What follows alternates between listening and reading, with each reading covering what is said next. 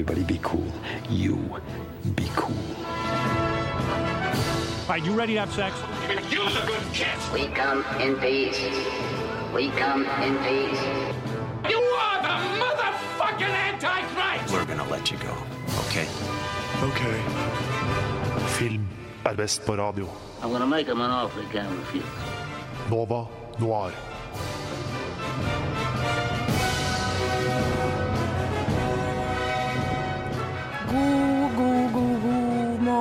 Alle sammen, alle lyttere av Radio Nova. Nå hører du på Altså, klokken er ti, og det betyr jo selvsagt at Nova Noir, verdens beste filmprogram, skal kickstarte torsdagen sammen med deg. Og det er jo en litt spesiell torsdag, fordi det er årets aller siste Nova Noir-sending. Offisielle, i hvert fall. Og det vi gjør, som alltid, så skal vi oppsummere og hylle det siste år, kinoåret og si våre personlige topp ti favorittfilmer. Det er vi utrolig stoka på. Og jeg heter Ina Sletten. Sammen med meg i studio så har jeg Julie Oskar Andersen. Bjørn Christian Sveen. Og Tage Rivas Tollefsen. Og på teknikk så har vi som alltid Ragnhild Bjørlikke. Vi er klare for eh, to, kanskje tre, lange, flotte timer med filmprat. What? Radio nå. Da, før vi starter bollet og begynner å prate om eh, våre topp ti filmer, så tenkte jeg at jeg skulle spørre dere i studio, hva har dere sett siden sist? Jeg har sett uh, øh, The Big Short igjen. Igjen? Hvor mange ganger har du sett den, Bjørn? Syv-åtte. Et, et, et sted mellom Hva er det som er så bra med The Big Short? åtte og ti. Eller fascinerende? Hm? Hva er det som er så bra med The Big Short? Altså, det er jo en ganske stor, komplisert uh, situasjon som uh, egentlig omhandler oss alle. Mye sånn som selve livet. Uh, men nei, bare spøk til side. Det er jo det er et komplisert tema som blir diskutert i en komedie. Og det er på en sånn, nesten sånn edutainment måte. Så det skal både underholde og informere. Det er nesten sånn public service. Hva, det, det er det nærmeste Hollywood nesten kommer en public service. Å gi uh, Adam Mackay, som er regissør av den filmen, masse penger for å lage en morsom film som skal prøve å forklare hva som egentlig skjedde under finanskrisa i 2008, og hva Mhm. som ledde opp til det. En morsom dokumentar, altså, på mange måter. Kind of. Huh. Mm. Hva med deg, Julie? Eh, jeg, har, jeg har sett Community på nytt for tredje gang. Forståelig. Uh, men jeg føler at det er en veldig typisk ting å gjøre når det nærmer seg eksamenstid. At man har litt mye fritid plutselig, for man skal lese. Sant? Så man begynner å se serier man har sett på nytt. I hvert fall var min uh, måte å cope. Men nå har jeg jo ikke eksamen lenger, men jeg gjør det fortsatt. da. Så denne tiden på året så begynner jeg å se serier jeg har sett og liker på nytt. Så da jeg ble ferdig med Community, så var jeg sånn Å nei, livet mitt, hva skal jeg gjøre nå? Hva skal jeg se på nå? Så nå har jeg begynt å se på Parks and Recreation for sånn femte gang. Så jeg tror det er noe med deg og meg, Bjørn. Vi Ja. søker det kjente og kjære når ting blir mørkt og trist. Vi har de samme teppeseriene, som jeg kaller det. For det er som å trekke et varmt teppe over seg når du ser opp igjen. Jeg driver jo også og ser opp igjen The, The Office Ja. for 48. gang eller noe sånt. Noe Den med- var eh, i rotasjonen eh, forrige semester. Tage, hva har du sett siden sist? Um, jeg har eksamensperiode, så jeg har jo grunn til å se ting som jeg har sett før. Så i går kveld så fikk jeg ikke sove, og da tenkte jeg at Moneyball, den filmen er så sykt bra. Den vil jeg se på nytt igjen. Og det handler om eh, ja. Det er Brad Pitt som spiller en sånn eh, general manager for et baseball-lag som sliter veldig Altså, de prøver å illustrere til filmen at laget deres har eh, et budsjett på kanskje sånn 38 millioner, og så er de i liksom World Finals mot eh, jeg tror det er New York Yankees, og så har de sånn 130 millioner. Og så liksom er det den greia at de sliter. Hvordan skal de kunne konkurrere med lag som har så mye mer penger enn dem til å kjøpe spillere osv.? Og så kommer Jonah Hill, som er sånn økonomi-scientist, statistic-dude, som har skikkelig sånn eh, nerd som mener at han skal liksom har en måte å change the game, for at han mener at de burde basere kjøp og handel på statistikk, og ikke på liksom face value på spillere osv. Og så handler det om hvordan de sammen klarer å liksom få eller, eller forandre baseball for alt, egentlig, i løpet av den filmen. Så det også er en sånn der true story, hvordan de er Litt sånn educational. Ja, det er jo eh, Men eh, de, har jo tatt seg noen friheter, sånn som at Jonah Hill sin karakter. det er egentlig en hel avdeling med forskjellige analytikere og matematikere og sånne ting. Mm. Og kult, det er et veldig kult grep. Så er liksom én person som bare Å nei, jeg kan alt dette. Jeg bare syns dette er en god idé. Og så er det egentlig et helt team som sitter og regner ut masse greier. Men det er så bra skrevet film. Det er jo Aaron Sorkin, for de som er glad i han. Uh, så jeg bryr meg ikke om baseball i det hele tatt, men han får meg til å bry meg om det. Enig, den er, den er skikkelig kul. Jeg har sett på noe som ikke er veldig nytt, eller sånn eh, Det er mer kreativt og ikke veldig realistisk. Og det er en YouTube-serie som heter Undeadwood. Og det er, en, det er et rollespill, da. Så du, du, det er, jeg tror det er fire forskjellige karakterer og en liksom sånn dungeon master, på en måte. Men det er ikke sånn Du tenker sånn fantasy med, fra, fra middelalderen, men det, handler, det er plassert i sånn den ville vesten. Så alle er liksom enten liksom eh, litt sånn i Westworld når de er inne i, parken der. Det er sånn det, det ser ut, og det er dritfett. Og bare det i seg selv, den, uh, den stemningen det er der, det er skikkelig kult. Og så er de kjempeflinke til å være skuespillere. Og så er det dette at det er sånn som med uh, rollespill, da, at du har terninger, og så kaster du dem, og det kan liksom Du kan ha en så sykt god plan, og så bare får du en ener, og så bare Nei! Gikk ikke i det hele tatt. Så det er veldig sånn uh, uforutsigbart og veldig artig å anbefale. De har også den, det er de samme som lager Critical Role, som også er sånn en av de mest kjente eh, Dungeon Dragons-podkastene. Det er dritfett. Er det i samme formatet at du sitter og du ser på dem mens de spiller, eller tar de det som har skjedd i spillet og gjør en episode av det etterpå? Nei, de sitter, du ser de sånn live, og så sitter de liksom utkledd, da. Så de Åh, sitter liksom kult. med hattene sine og kjolene sine, og det har liksom en, foran seg så har de en miniatyrformat av byen de bor i og sånn. Så det er veldig godt gjennomført, utrolig god kvalitet, det er, ja, og utrolig gjennomtenkt, da. Hva heter det igjen? Undeadwood. Undeadwood. Så det finnes sånn, en episode var på to timer, og jeg er i episode to nå, og jeg tror det har kommet seks episoder, men det er fortsatt i gang, da, så det kommer nye ting hele tiden. Så det er i hvert fall noe jeg anbefaler. Ja, kanskje jeg skal se på det istedenfor å bare se på samme gammelt. Det er i hvert fall, Vi har mye forskjellig vi har sett, eh, og det er kanskje også det som går igjen i uh, topp ti-listen vår. At det er et, et vidt spekt, eller ja, et stort spenn da, med forskjellige sjangere og forskjellige typer filmer. Så da skal vi begynne med det, men før det så skal vi også ta en liten oppsummering da, generelt om hva 20, 2019 har gitt oss. Men før det skal du høre verdens beste duo, Lekne lett, med sangen 'Masser meg'. Du hører på Nova Noir. You are, anyway? Me, or I destroy you! Det er jo viktig å si at disse ti filmene vi senere skal uh, snakke om, de, ikke, de representerer jo hva vi har syntes har vært best, men det er samtidig utrolig mange filmer som faller utenfor. Når vi lagde listene våre til, uh, for å ja, finne ut hva vi syns var aller best, så fikk vi til sammen nevnt 52 forskjellige filmer bare mellom oss 13. Det betyr at vi altså ikke uh, Vi har veldig forskjellige uh, favoritter, og vi har altså mange små som vi har nærme hjertet vårt, som ikke har rukket å komme til denne listen. Så vi vil jo også bare gi en, kanskje en helhetlig bilde av kinoåret 2019.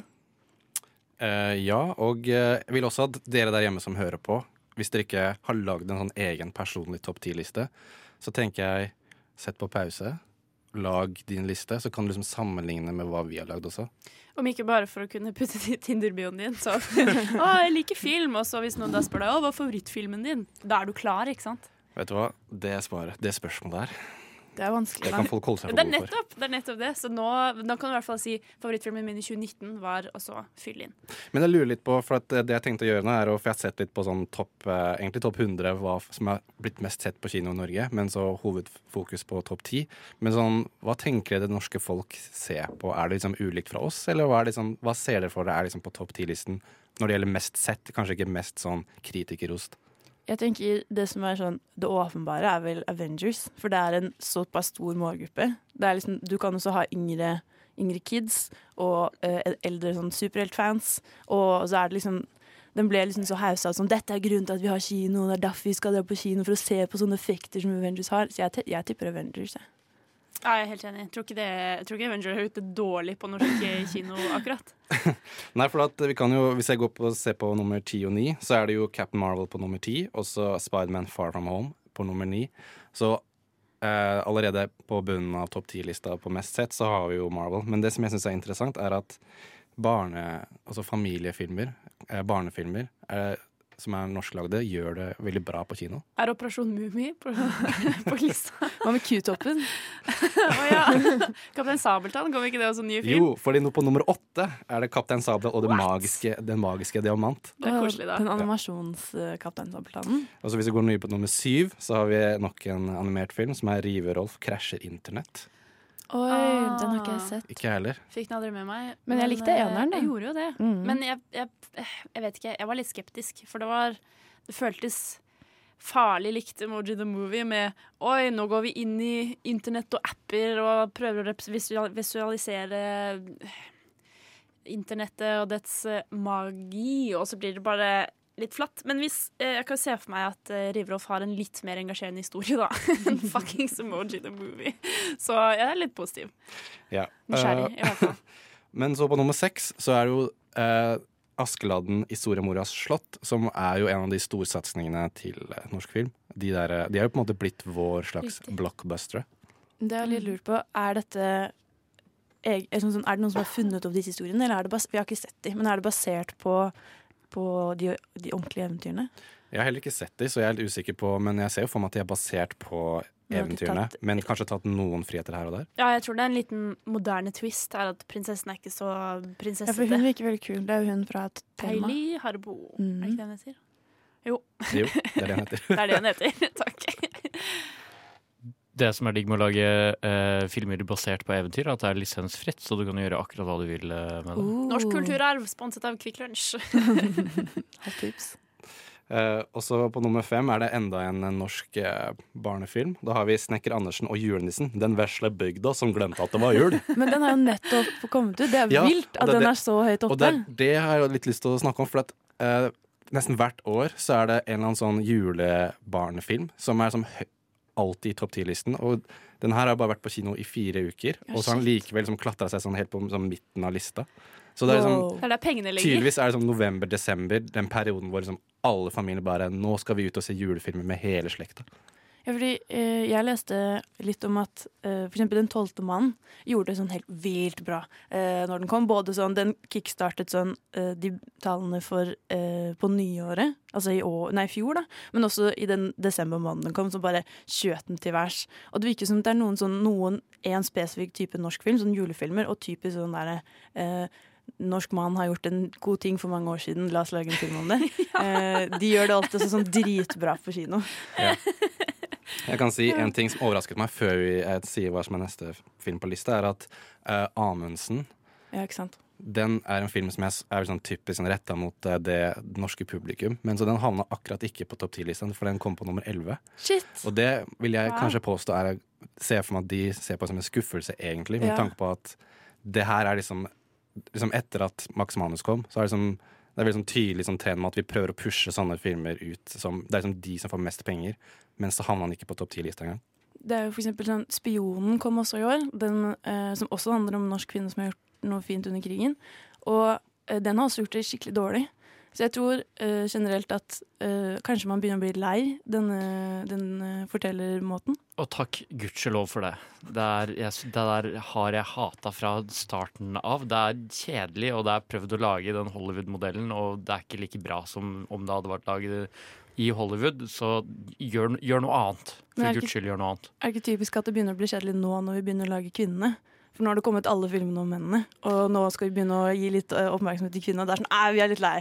Sorry. Altså, Jeg har ikke noen kommentar på det annet enn at det, Nei, det var ikke det, mot det deg. er trist. Uh, Kanskje bare se på det som en positiv ting. Kanskje man kan få mer interessante filmer om kvinner uh, enn vi har fått om uh, diverse menn. Det kan hende. Men også bare lag bedre film, da. Jeg mener, sånn, det er lov, det òg. Det er litt gøy da at Amundsen, Norges uh, storsatsing og uh, en av våre største helter, blir slått ut av Kaptein Sabeltann. Ja, men Han er altså- vår største En av våre største helter. ja, Altså- det er jo litt gøy å tenke på. The power of kids is too real. Det er der penga ligger. Det er der seriøst penga ligger. Men ok, Nummer fire. Ohoi, bitches. Um, Once Upon a Time in Hollywood. Quentin. Tarantino. Ja. Han, Han trekker jo alltid. han er alltid på norsk topp ti-liste når han kommer med ny film. Man blir jo alltid haussa opp også. At det det er den niende filmen hans! Det er den nest siste filmen hans! Vi må se den! Og så er den så storslått og svær, og selvfølgelig skal man se den på kino. Ja, nei, det, jeg tenker det er eh, Hvor fett har Kant tjent på å si jeg skal bare lage x antall filmer, og så nærmer det seg, og så lager han den siste filmen, og så tror jeg tror ikke han kommer til å gi seg. Jeg tror han kommer Jeg til å være sånn sånn Å, kødda! Jeg skal lage fem til! Og så bare kjøre, prøve å kjøre akkurat samme greie som sånn eh, markedsføringsteknikk. Så jeg føler insinuert i det du sier der, så er både at eh, Quentin Tarantino sine filmer er bare hypa opp fordi han har sagt han bare skal lage x antall. Nei, det, er det det er ikke er bare det. Det er fordi, Tarantino. det er fordi Tarantino har laget dem. Men uh, at det får en viss uh, følelse av at det er så sjeldent, og at de tar slutt. Så derfor må vi sette pris på dem bare på Mens vi kan. og bare fordi det er eh, alt Tarantino tar i, blir jo til gull. Og at det da blir begrenset, så er det sånn Å nei!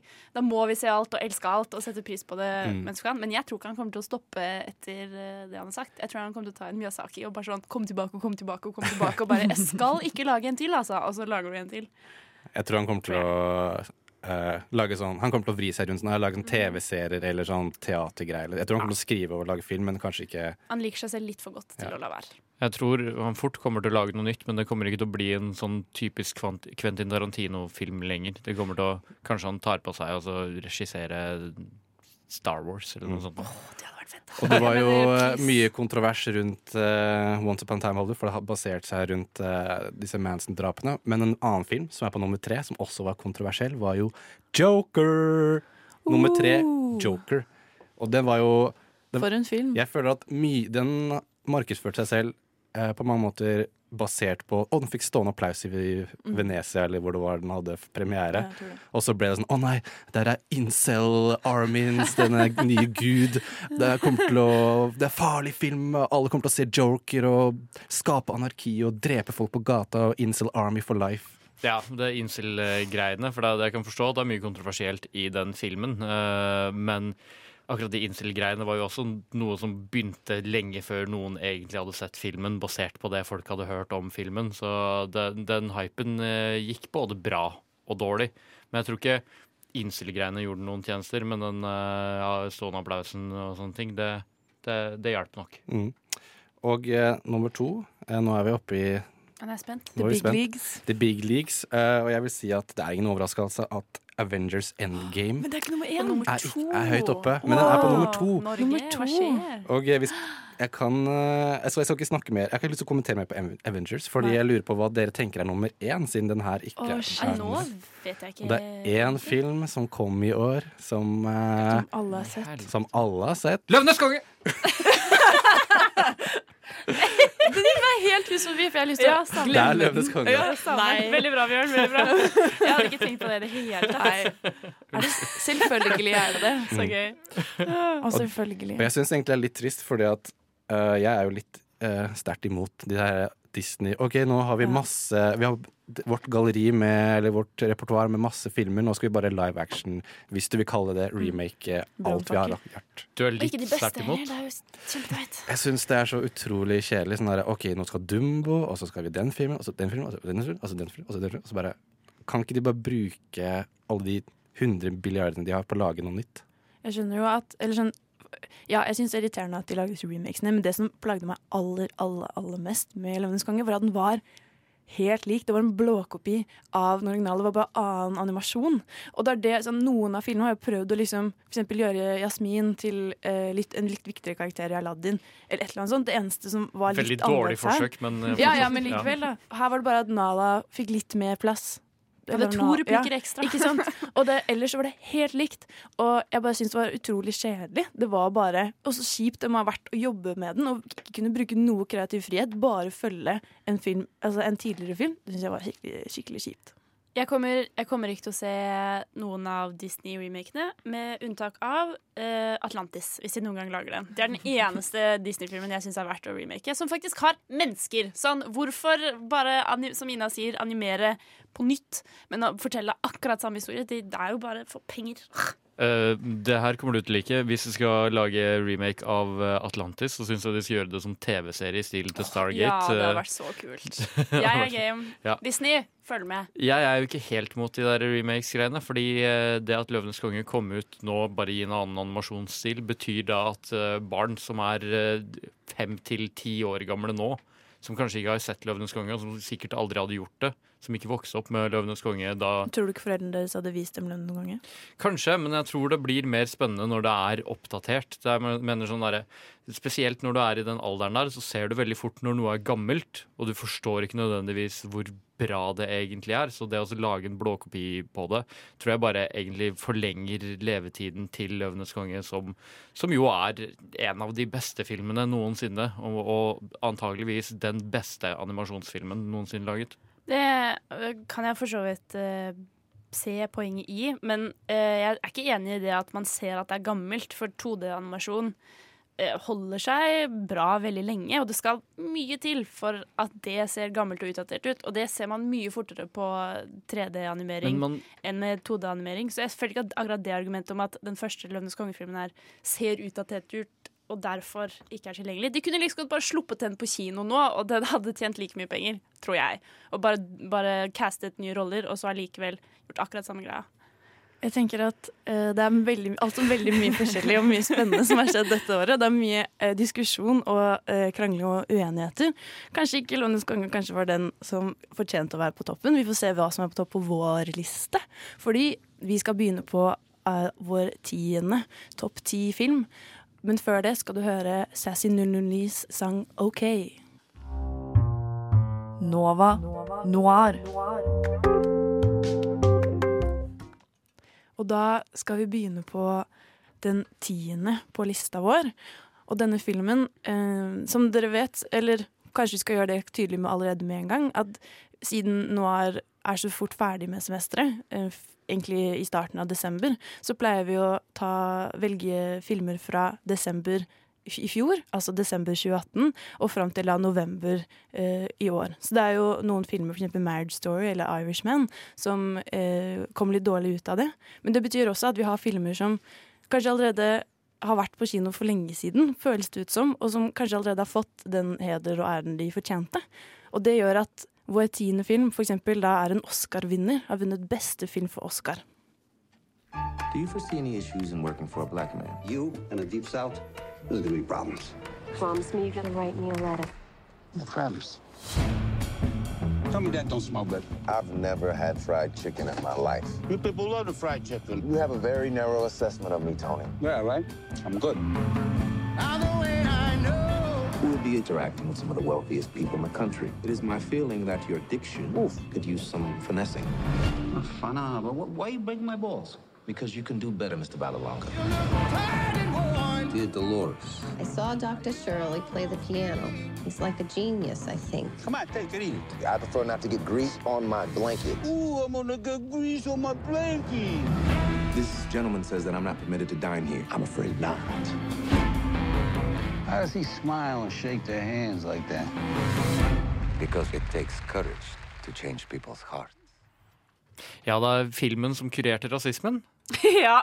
Det, det er sant. Godt ut av Bjørn. Her, eh, altså, som du nevnte, en film som har kommet godt ut av det. Allerede vunnet uh, Oscar og Syre og helvete. Men uh, det er kanskje også den filmen uh, i eh, Rett etter at den kom, i hvert fall, som det har gått mest sport i å gjøre narr av og kødde med osv. Fordi eh, det, med reduktive oppsummeringer som at eh, en hvit mann fikk seg en eh, svart venn en gang, og, og sånne ting. Eh, men den filmen her er veldig mye mer enn det i, i min mening. Det er møte mellom to personer som har totalt ulike bakgrunner, og som er utstikkere i sine respektive miljøer, eller i den grad Mahershala Ali sin karakter har et miljø i det hele tatt. Eh, Og det er mesterlig spilt. og jeg bare så den på impuls, egentlig. Den gikk på kino ved siden eh, av meg. Så gikk jeg og så den, og jeg tror jeg gråt tre ganger. Uten å egentlig være så veldig investert eh, på forhånd. Så det er The Green Book eh, er en film som jeg syns folk burde se, og så ta litt mer seriøst enn en eh, mange kritikere kanskje har gitt den muligheten til. Jeg vil si, den er jo veldig den er veldig lett tilgjengelig i historien den forteller, og det er veldig lett å empatisere med begge, begge hovedrollene. Og det er jo et veldig fint vennskap som blir portrettert, og det skjedde jo på, på ekte. Det var jo to ekte personer. Men jeg får litt følelsen av at filmen kommer noen år for sent. at eh, den er Hadde den blitt laget i eh, 2015 da, eller før, så hadde den ikke fått samme kritikk som det, den, som det den hadde fått, eh, fått nå. Om at den litt, har litt white savior-komplekser og eh, er litt sånn Hvite folk blir applaudert fordi de endelig klarer å se på eh, sorte som mennesker med en kompleks identitet og et individ.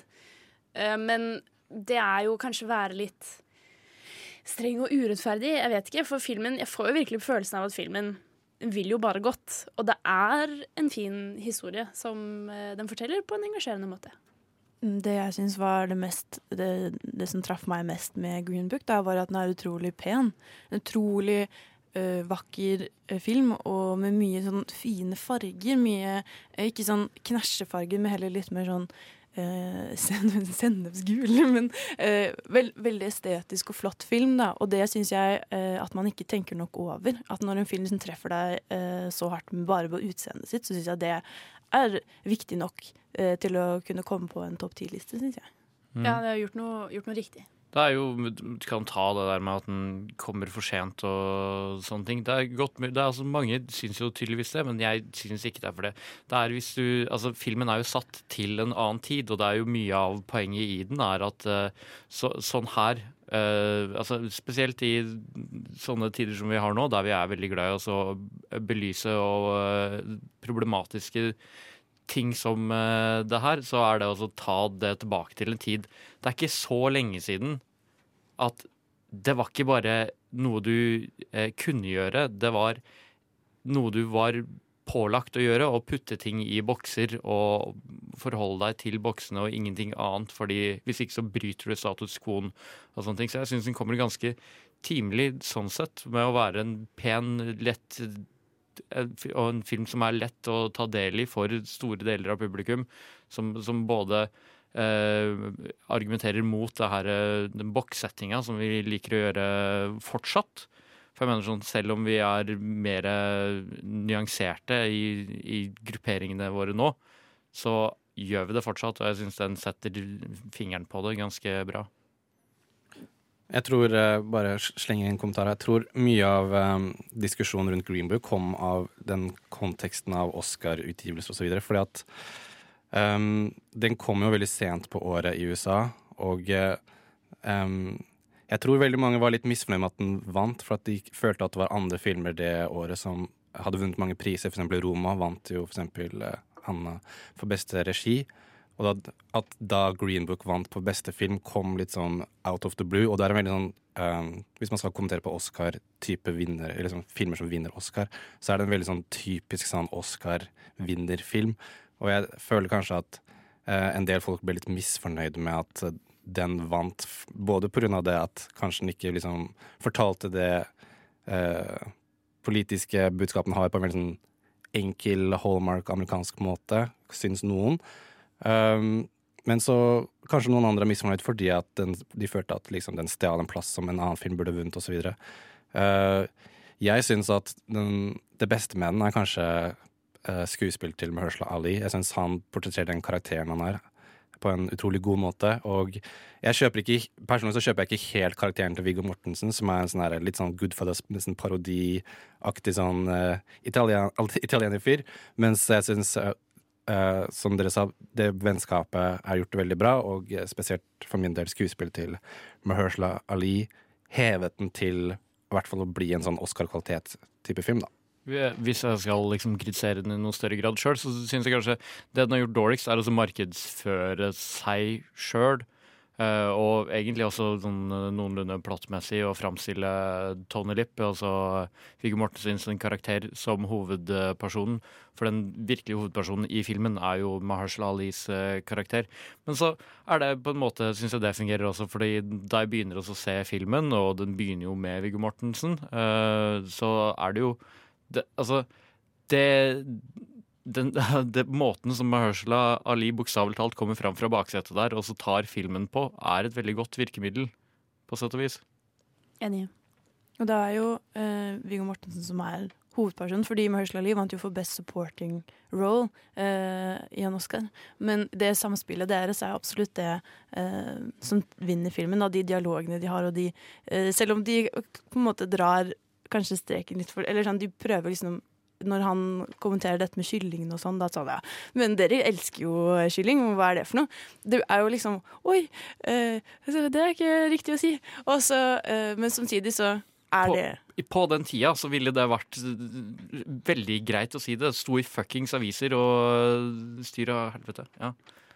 Men absolutt, Green Book fortjener en plass på uh, topp 10-listen vår. Uh, nettopp også fordi den skaper uh, diskusjon også. Det at vi prater om den, og det at vi er engasjert når vi prater om den, det er veldig viktig. Så nummer ti på uh, topp 10-listen vår, det er Green Book. Nå skal du høre Du og jeg av Brenn. Du hører på Nova Noir. Ja, du hører på Nova Noir, og vi går gjennom våre topp ti filmer i 2019. Nå er det duket og gjort klart eh, til nummer ni. Nummer ni! Gjør dere Og- klare? Hold dere fast. Og det er eh, fortsatt enda en eh, Oscar-vinner. Vinneren for beste makeup and hairstyle tidligere i år. Det handler faktisk om, eh, og regissert av en film vi har nevnt eh, eh, Regissert av samme fyr som har laget en film vi nevnte til. Unnskyld, nå ble det veldig rotete. I hvert fall. Adam Mackay er regissøren for denne filmen. Eh, den handler om visepresident Dick Cheney og de spor som han har satt igjen i bl.a. amerikansk utenrikspolitikk. What do you say? I want you to be my VP. I want you. You're my vice. Well, George, I, uh, the vice presidency is a mostly symbolic job. Uh-huh. However, if we came to a uh, different understanding. Yeah, right. I like that. When you have power, people will always try to take it from you, always. Hot damn. Da Vice, altså, er den eh, filmen. Og du hadde jo sett The Big Short tidligere eh, denne uken, Bjørn. Yes, jeg visste vi skulle snakke om Vice i dag, eh, så da endte jeg opp med å se The Big Hva? Short i går. Eh, Det er jo, som du sa, en biografisk film om den tidligere amerikanske visepresidenten Dick Cheney. Kjent jo blant annet fra det gikk sånn viral at en sånn Disney-stjerne som jeg ikke husker navnet på, fikk opp et bilde av Nei, ja, fikk opp et bilde av Dick Cheney og så fikk spørsmålet hvem hadde vært den, best, den beste visepresidenten, du eller Dick Cheney, og hun ante ikke hvem eh, han var. Det gikk sine seiersrunder. Og det er jo litt symptomatisk på Dick Cheney. Jeg tror det er sånn han skulle foretrukket eh, at eh, ting gikk senere i historien. Filmen begynner jo med han som en ung, litt trøblete ja, i, Først og fremst etter college-årene, der han ikke har gjort det så bra, og så videre. Og så har han eh, eh, sittet Han har blitt tatt for fyllekjøring et par ganger, og er generelt en eh, veldig sånn sørstatskar. Det liker veldig godt med Vice, at de viser jo nettopp det når han er ung, altså før han kommer seg inn i Det hvite hus. da. Og han er jo bare en litt sånn vanlig type, så du føler kanskje at du har møtt han, frem til han blir den som han er mest kjent for, Dick Cheney, den maktgale på en måte. Han vil ha det på, alt på sin måte, og gjerne uten at noen stiller spørsmål. Og han, selv om han på en måte aldri Han vil aldri liksom bli den mest den på topp. Han vil jo f.eks. ikke bli eh, president, men han vil gjerne få lov til å gjøre alt det en president får, vil gjøre. Og det er derfor det er så utrolig flott. Det er jo Christian Bale som spiller uh, Dick Cheney, uh, og Sam Rockwell som spiller uh, George Bush.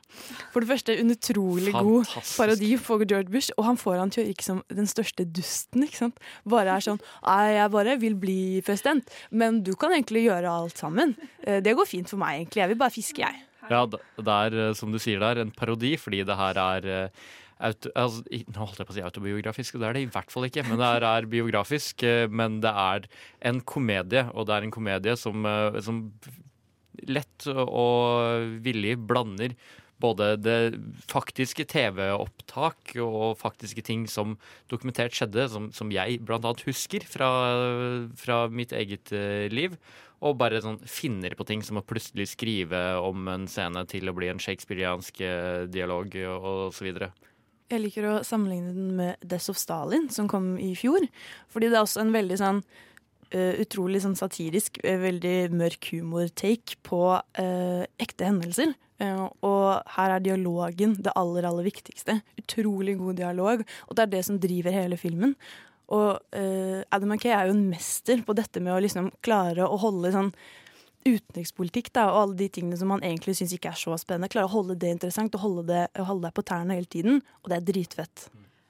Det er jo alltid spennende når det er eh, ekte historier og ekte mennesker, men det skal jo være en film og engasjerende for publikum likevel. Hvordan klarer filmen å forene virkeligheten, men eh, løfte det nok opp da, til at det blir en spennende historie og film allikevel? Eh, godt spørsmål. Eh, det er altså det, det som er veldig fint med Adam McKay-filmer, som du ser i både The Big Short og den her, og jeg håper han fortsetter å holde seg til den type filmlaging her senere, er at noen kan snu seg til kamera, eller de kan skrive det på skjermen at eh, dette skjedde faktisk, eller dette skjedde ikke egentlig sånn, men for sikkerhets skyld, å og klare å liksom bare sånn bryte den fjerde muren og så fortelle eh, tilskueren ja, dette er sant, dette er ikke sant, uten å faktisk bryte flyten i, eh, i filmen. Det, og det er en unik eh, Adam McKay-egenskap å få til det på en bra måte, føler jeg. Og så er den så fryktløs. Jeg føler ofte at mitt problem med, med uh, de som skal være basert på virkeligheten, at de ikke tør å si håndfast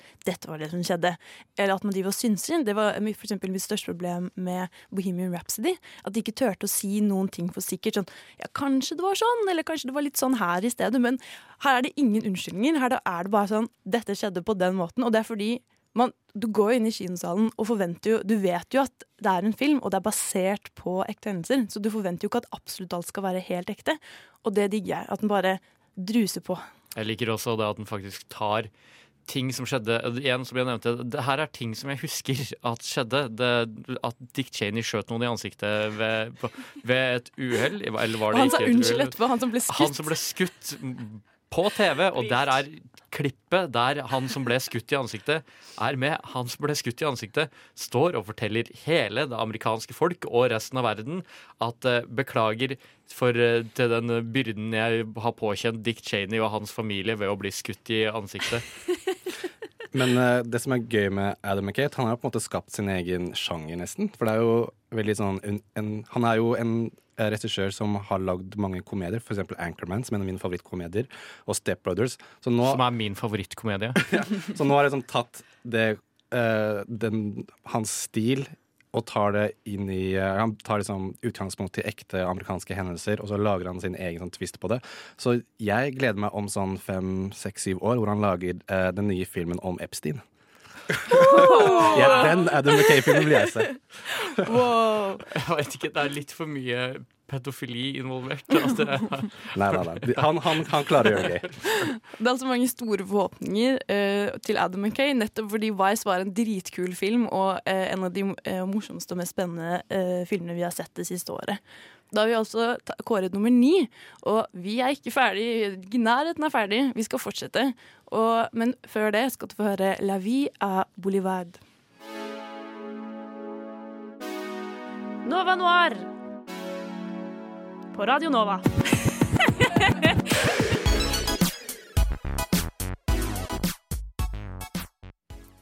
Da er det klart for den åttende filmen på listen vår, og det er ikke noe annet enn en skrekkfilm plassert i Sverige. Eh, Christian Jeg vet hva det var. Det er jo desember, da. Sorry. så Fortsett, Ina. Litt julete. Christian og Dani eh, drar på eh, Eller Dani klarer å henge seg på en guttetur til Sverige, til midtsommer, eh, hvor det begynner å skje eh, litt skumle ting. Dude, she needs a therapist. You've been wanting out of this stupid relationship for like a year now. And don't forget about all of the beautiful Swedish women you'll meet in June. Okay, guys. That's not her again. Seriously? Babe, what's happening? Danny. I was so very sorry to hear about what happened. I'm sorry. For å gi litt mer kontekst til filmen, så handler det om uh, Danny. Uh, filmen starter med at uh, hun får en At søsteren har vært litt sånn trøblete. Det er noe over lengre tid. Og så har hun fått en sånn SMS som er liksom ekstra weird fra søsteren til å være.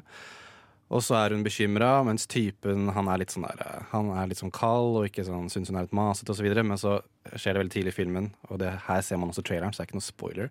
Men at eh, søsteren har uh, tatt selvmord, og hun har sånn, gjort det på en måte sånn at hun har liksom gassa ned seg selv og foreldrene. Uh, så det er en veldig sånn tragisk start. Og så samtidig som dette skjer, så liksom merker man at kjæresten egentlig ikke er så keen på henne lenger. Og vennene til kjæresten er litt sånn her åh, dama di, kan ikke du bare slå opp med hun da? Hun er så jævlig innpå sliten. Sykt koselige venner. Ja. Så, så skal jo de på sånn guttatur til Sverige. Og Danny som uh, Liten harrytur? Uh, ja, skal på grensa. Ikke sant? Men der, der mister filmen meg litt. For Nei, nei, hvem nei, faen er det som drar på guttetur til Sverige? Ja, hør nå. For at det er en svenske i gruppa uh, som kommer fra et sånn veldig sånn rart sted i Sverige. Som har en sånn sånn egen kultur og så. Og de er liksom Jeg tror jeg husker ikke om det er doktorgradsstudenter eller sånn mastergrad. De skal skrive om den kulturen, da. To blant annet kjæresten og en til venn. Så de alle sammen drar til Sverige for å møte denne her eh, rare kulturen. Uh, og filmen er egentlig en sånn breakup-movie satt i en sånn svensk kult. Og når de da havner, kommer til Sverige, så merker de at det er noe som ikke det er sånn typisk sånn, det er noe som ikke stemmer her. Folka er litt rare, men samtidig så er det jo litt sånn uh, spes kultur og sånne ting, så kanskje de bare gjør ting på annerledes måte. Men så sånn, sak, sakte, men sikkert, sikkert så sånn, skjønner at det her er ikke bare gærne svensker. Her er det noe mer som skjer. Ja, er det, er det bare at de er svenske, eller prøver de faktisk å drepe meg? Det er litt vanskelig å, vanskelig å skille. Men det er jo Ari Aster som har eh, regissert filmen. Det er også han som har laget Hereditary, som også var på listen vår i fjor. Og jeg kan si som at Hereditary det var min nummer én-film i fjor, så jeg hadde gledet meg helt ekstremt til 'Midtsommer'. Fordi, altså For det første, han Hereditary var i mine øyne en av kanskje tiårets beste skrekkfilmer. Jeg liksom, og jeg er veldig glad i skrekk generelt, så jeg så veldig fram til denne filmen. Og så er det veldig sånn utypisk sånn setting for en skrekkfilm, fordi skrekkfilm er ofte sånn uh, typisk sånn uh, hjemsøkt hus, mørke, bla, bla, bla, ute i skauen. Mens her er det sånn dagslys. Alt er, sånn, alt er så utrolig pent og stilrent, og liksom de har på seg blomsterkroner og hvite kjoler, og alt er idyllisk. Men så er det liksom noe under, på underflaten som er liksom forstyrrende. Jeg husker selv når jeg så de første bildene fra, og den første traileren og sånn, at jeg ble helt sånn fanget av hvor Uh, altså sånn stilen og hvor vakker den er. Det altså alle disse hvite kjolene og, og uh, blomsterkransene. Det er utrolig intenst, men utrolig uh, vakkert også. Og, da blir man og med den der musikken som liksom får deg til å liksom, Du kjenner at nakkehårene dine reiser seg, liksom. Og du bare Samtidig som det tilsynelatende ser så pent ut. Og liksom, alt blir feil, men samtidig veldig, veldig kult. Det er jo en, eh, en film som skaper veldig uro, og veldig byggende, og veldig gradvis, og litt og litt og litt. Eh, Så kanskje litt utypisk for skrekksjangeren å liksom ta det så rolig.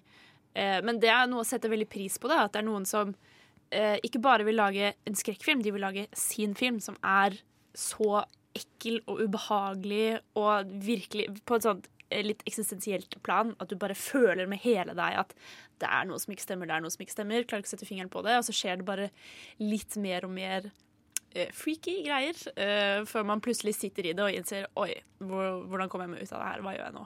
Men Tage, hvilken film liker du best av Hereditary og Midtsommer? Oh, Kom igjen. Eh, Ta et standpunkt. Jeg vil si her og nå så vil jeg si at jeg liker Hereditary bedre. Men uh, det ble også uh, Ari Aster kom ut og sa at uh, At når de skulle gitt den filmen her, for den er, jeg tror den er to timer og to timer og 30 minutter lang Han måtte kutte en del som han egentlig hadde lyst til å kutte for kinoutgivelsen. Men det kommer nå en director's cut veldig snart som har med mye mer av det okkulte som han har lyst til å ha med i filmen, som måtte kuttes vekk. Så jeg tror kanskje at jeg, skal, jeg har lyst til å si, se den, hans versjon av filmen, før jeg liksom kommer med sånn endelig sånn uttalelse om hvilken av de to filmene jeg syns er best. Disse, den skal gå på eh, Cinemateket her i Oslo. Eh, jeg, tror jeg tror egentlig bare det er to datoer de skal vise den på. Men så det anbefales uh, å se den Director's Cut, men den ligger også uh, tilgjengelig på nettet også, uh, hvis du ikke orker å dra på, uh, for kino. Og eh, jeg vil poengtere at dette er en skrekkfilm som ikke lener seg på jump scares og sånne type eh, trekk. For at, som du Julie sa, den er veldig ubehagelig. Og ikke bare det okkulte situasjonen de er i. Det er også veldig ubehagelig den relasjonen eh, hun Danny har med typen. For det er sånn veldig sånn Det er så mye sånn, sånn ting man kan relatere til hvordan han er sånn Å ja, å hvorfor er du sånn da, babe? Du er så bla, bla, bla. Så mens hun altså, Det er sånn man blir så sykt sånn herre Hvorfor er du så idiot? Kan du ikke bare være litt mindre kjip? Men så blir du også frustrert over henne, for hun er sånn Hvorfor er du sammen med han fyren her? Men det er så utrolig sånn ting man kan relatere til. Og så er liksom hele setting de er i, er veldig sånn Det er bare en bra film. 'Midtsommer', altså. Nummer åtte. Nei, jo.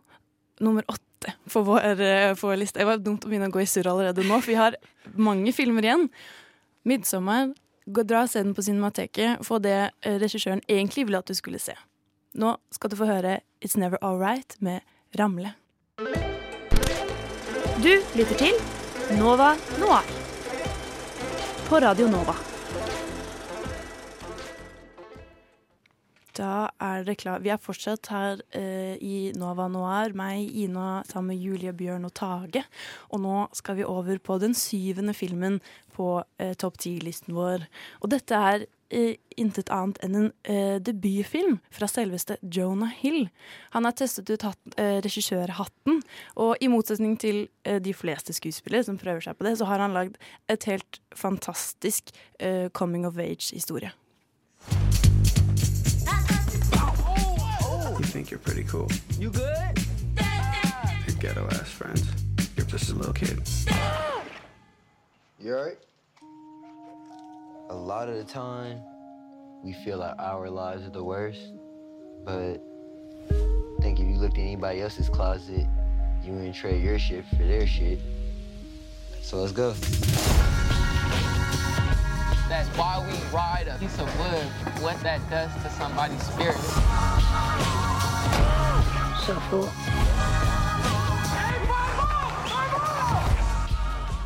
Mid-90s er nummer syv på eh, listen vår.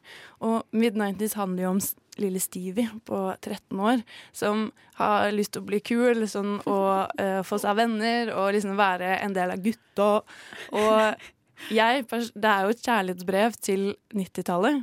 Og jeg som aldri har skatet før, eh, men alltid syntes det har vært veldig kult og blitt veldig imponert over de som har balansen til å, og eh, tykke nok hud til å gjøre det, syns dette var ja, et av mine aller største høydepunkter dette året, egentlig. Det var, den er så sår og eh, vond, men også utrolig eh, hjertegod også. Jeg- er jo øh, født på 90-tallet. Det er jeg Eh, òg, Bjørn. Jeg hadde veldig, veldig lyst til å stå på skateboard, men jeg er jo fra Ringebu, Gudbrandsdalen.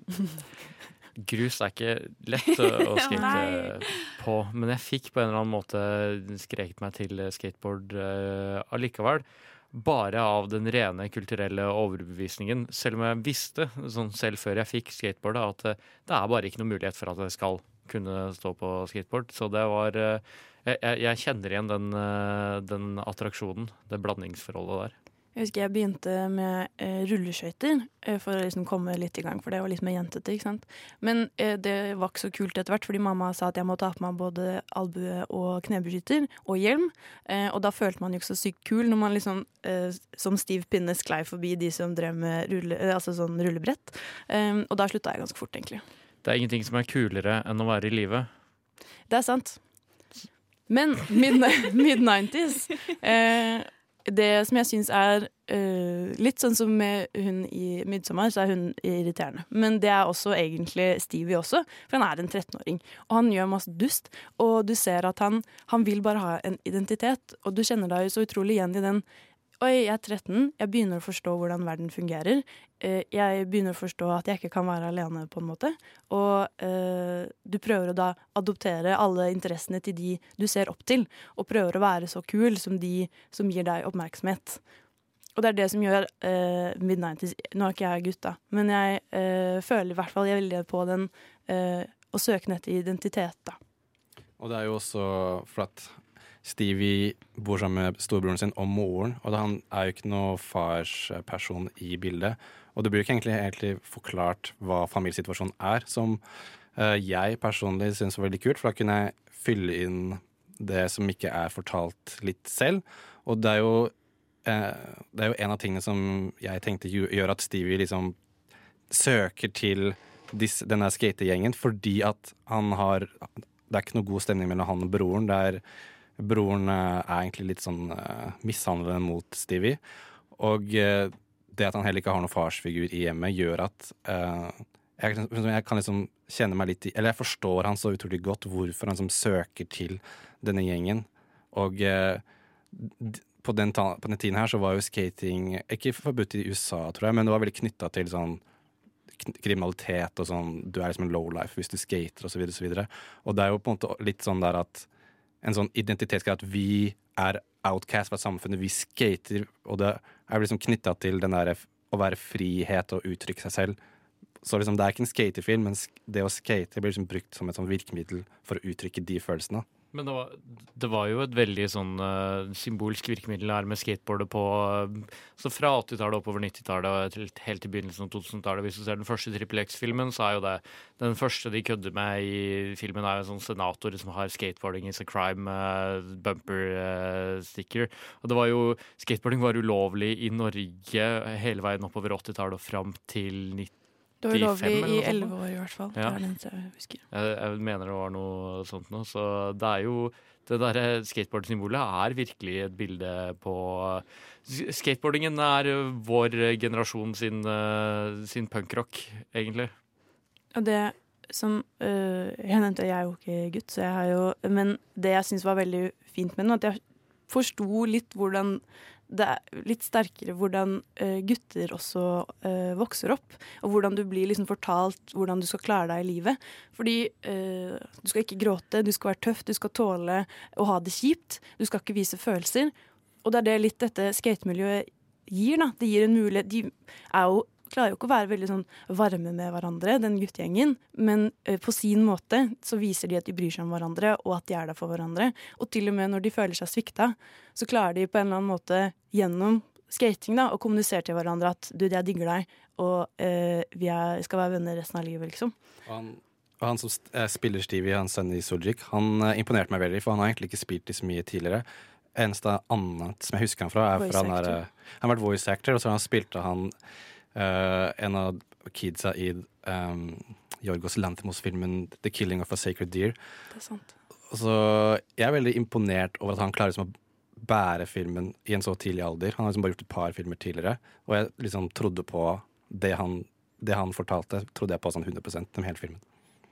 Altså, 'Midnightings' er en utrolig eh, sår og sterk og eh, varm coming of age-historie. Handler om hvordan det er å være eh, 13 år og prøve å finne seg selv, rett og slett. Og Jonah Hill imponerer helt vilt med sin debutfilm. Og jeg håper at han fortsetter med det, fordi jeg har fått et stort, et stort plass i mitt, lille- hjerte sitter Jonah Hill, og alt han gjør, elsker jeg og støtter. Og ja, heia Jonah Hill. Det var altså nummer syv på listen vår, og vi fortsetter. Før det skal du høre Hey Boy av Mongoose and The Magnet. Du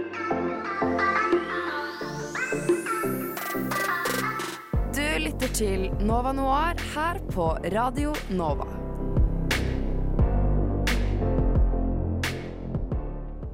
Ja, nå er vi snart halvveis på eh, lista vår, og nummer seks går til en film jeg allerede har snakket litt om i dag. En eh, stor, ekstravagant, eh, CGI-fylt blockbuster av en film, del to, og avslutningen på en hel æra. Det er altså Avengers Endgame. Realized I loved you. I know I said no more surprises, but I was really hoping to pull off one last one. The world has changed. None of us can go back.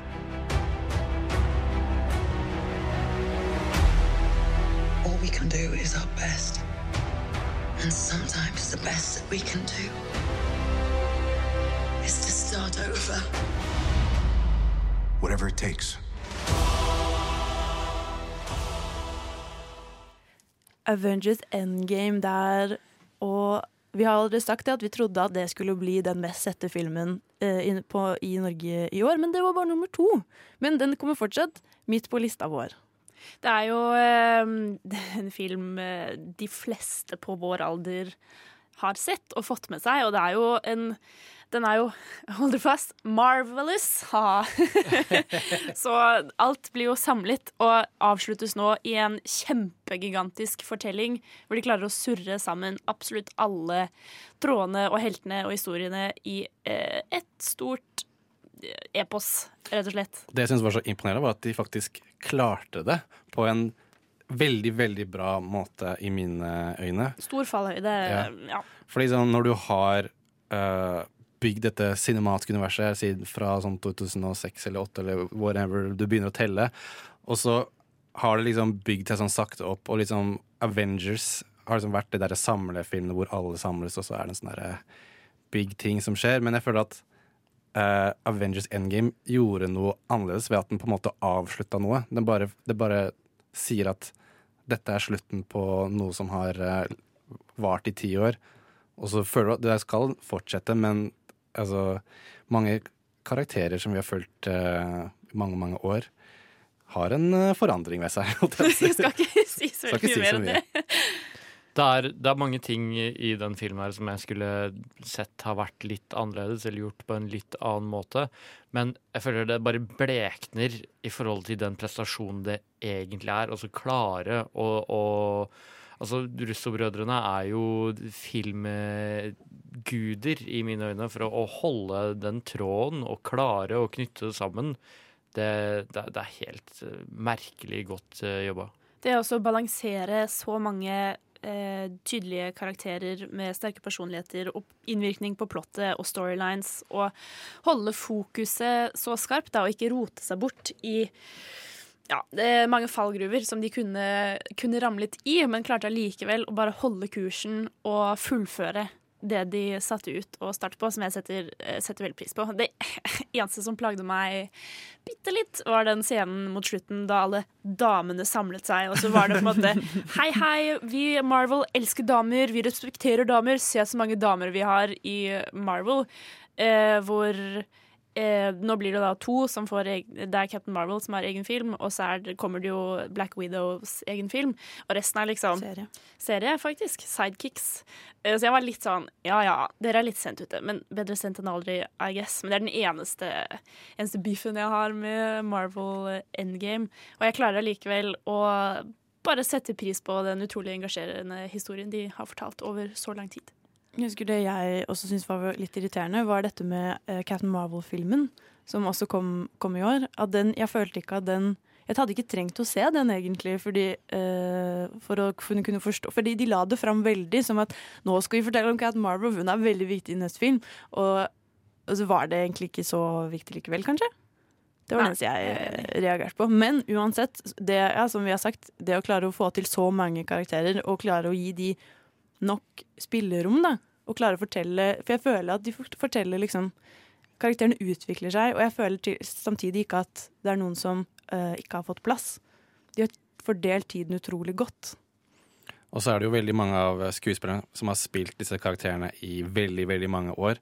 Så de har jo på en måte liksom satt sitt spor i vår popkultur for alltid. Og jeg tror uh, mye av grunnen til at jeg uh, følte de følelsene når jeg så den på kino, var fordi at jeg liksom innså når jeg så filmen, hvor uh, Selv om det på en måte bare er filmer, det er liksom Marvel, bla, bla, bla. Det er liksom Ja, det er liksom blockbuster, det er Disney, det er litt sånn paint Det er liksom en oppskrift som er relativt lik hver gang. Men jeg følte at kanskje oppskriften til hver film er ganske lik, men jeg merka når jeg så filmen at jeg har blitt så utrolig glad i karakterene og skuespillerne at uh, det, liksom, det, ble litt, litt sånn overveldende nesten når jeg så filmen, fordi at jeg liksom innså hvor, uh, mye liksom, hvor mye glede jeg har fått ut av de filmene opp gjennom årene.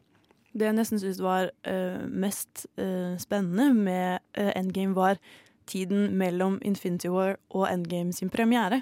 Fordi det ble så mye spekulasjoner og eh, konspirasjonsteorier og hva som skulle skje, hvem som skulle dø, hvordan, det skulle, hvordan alle skulle komme tilbake igjen, hvordan man skulle løse det, da, rett og slett. Og det, og det husker jeg som en utrolig god tid. Det var så mye gode eh, samtaler og eh, morsomme eh, teorier, sånn som eh, Kim i Noir eh, kom med denne veldig Eller han fant i hvert fall en veldig morsom teori på nettet om at Ant-Man skulle fly inn i kroppen til Inn i Thanos. ræva til ja, og, og bli stor inni derfra og sprenge Thanos. For eksempel sånne ting er jo uhyre morsomt. Og eh, at vi fikk lov til å liksom eh, tulle og være kreative med, eh, med det, syns jeg var, ja, det var gull verdt. Og så, jeg følte det som at Uh, Endgame var liksom en avslutning på en æra. Og det førte at, Hvis vi skal liksom sammenligne med Game of Thrones sesong 8, som, var, som Game of Thrones er også ferdig i 2019, mens kontrasten der da er at den populære meningen er at Og min, også meningen er, men også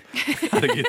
Min egen mening er at eh, Game of Thrones feila så sykt hardt, og de Mm. bare avslutta noe så episk med noe dritt, Ja. mens Endgame hadde en sånn utrolig verdig avslutning.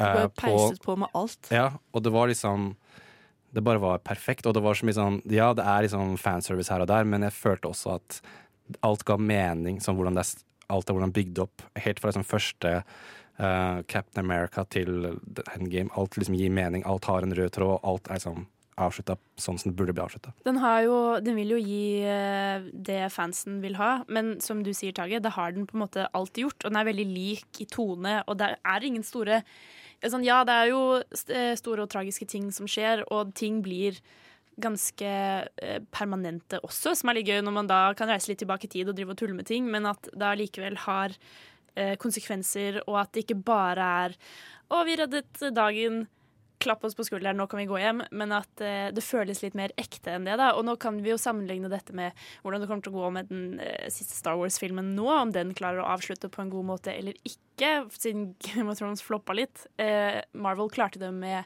Eller også da Disney klarte det med Avengers. Klarer de det også med Star Wars? Det blir spennende å se, da. Nummer seks er Avengers Endgame. Slutten av en æra.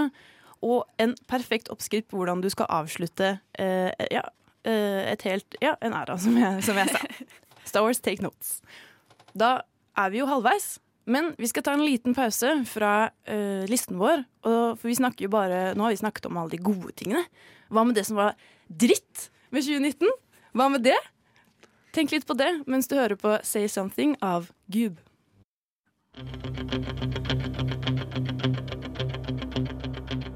Jeg har fått vite at Julia hater Lost in Translation. Og jeg kan ikke tro mine egne ører. Jeg kjenner sinnet bobler i meg. Ok, ok. Nei, Noe ikke annet enn å flørte. De er sånn Poenget er at det er helt platonisk. Det er jo ikke platonisk i det hele Han er jo Hva er det 58 år gammel. Ja, det er jo det. Det De er venner, og de De er jo ikke venner! over deres mutual er jo ensomhet i livet på tross av forskjellige ikke De vil jo aldri er jo pule. Hun er jo ikke smartere enn alle de andre. Hun er jo bare dum og ung, og det føler hun skikkelig på. Jeg sverger. Jo. Nei, Jo. det er jo det, det er det største Og så spørsmålet i ligger de hele der i filmen. senga Sånn, og tar henne på føttene. Hva faen er det for noe? kosete ting! Jeg tar det nå! Det er jo ikke sexy å ta noen på foten! Nova Noir gir deg noe å krangle om.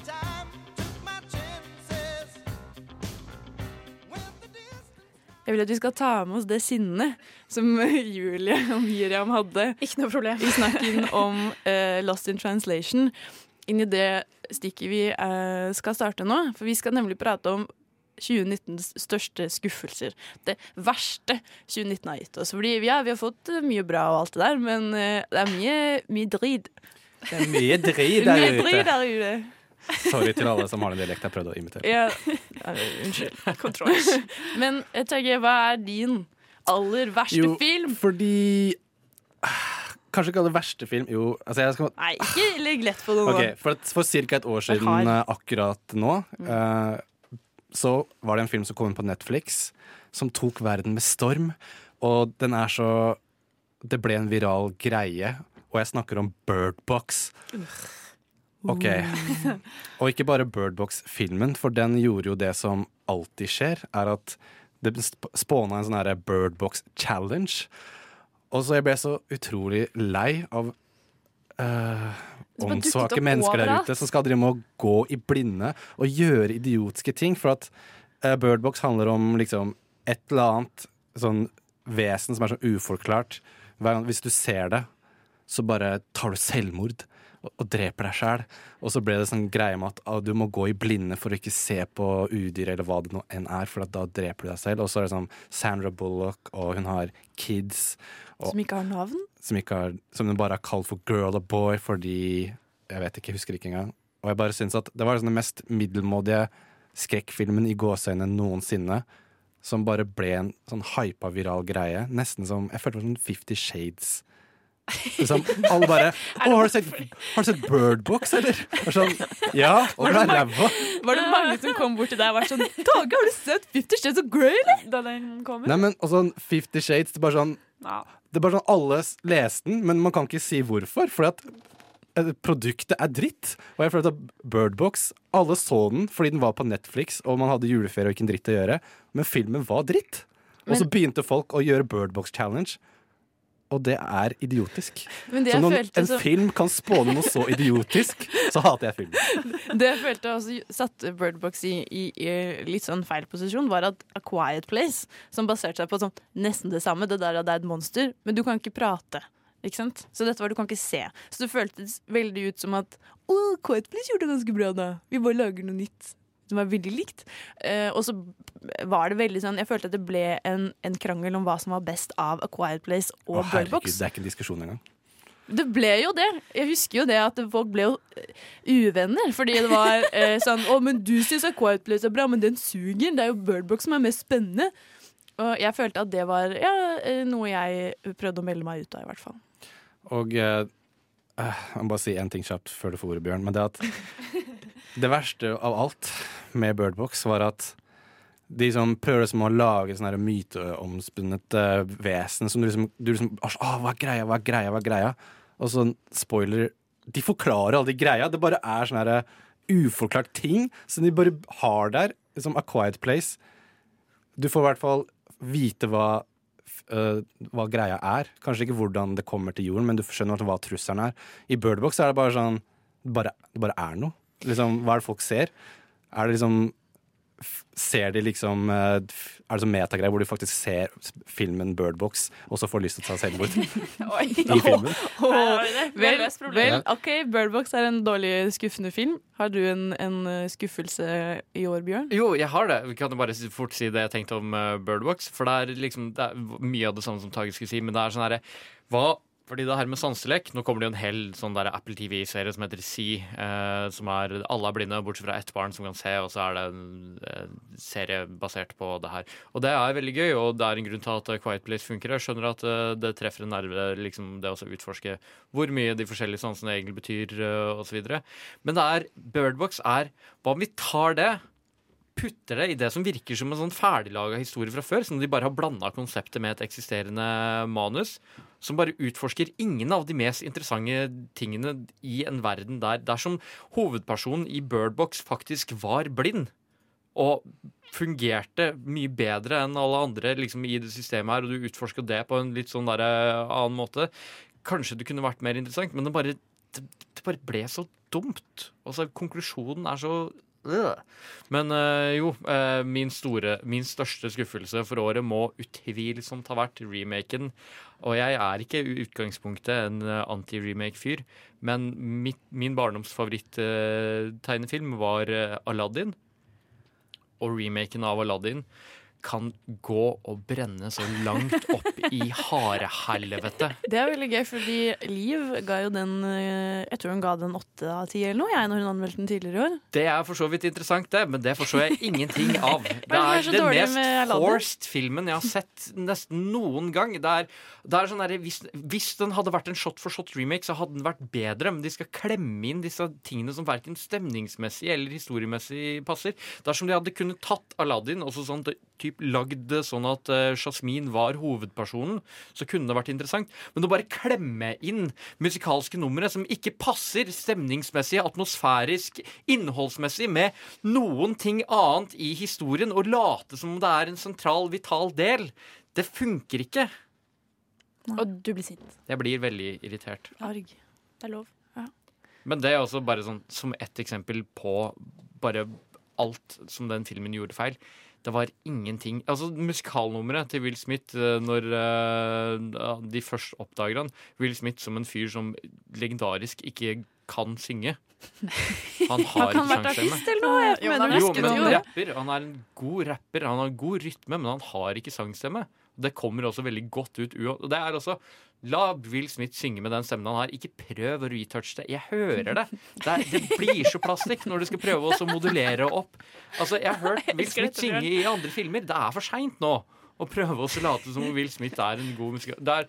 Som også, den minner meg veldig om en annen musikalfilm som jeg så for første gang det året her. Og det er den derre fuckings eh, remaken av Le Miserable i musikalversjon. Hei, hei, hei, hei, hei. Nå, Ikke- nå kan du Stay in your lane. Dette er ikke en plass til å snakke og, og være respektløs overfor Les Mis. er egentlig bare at uh, hva, hva heter han uh, Gladiator?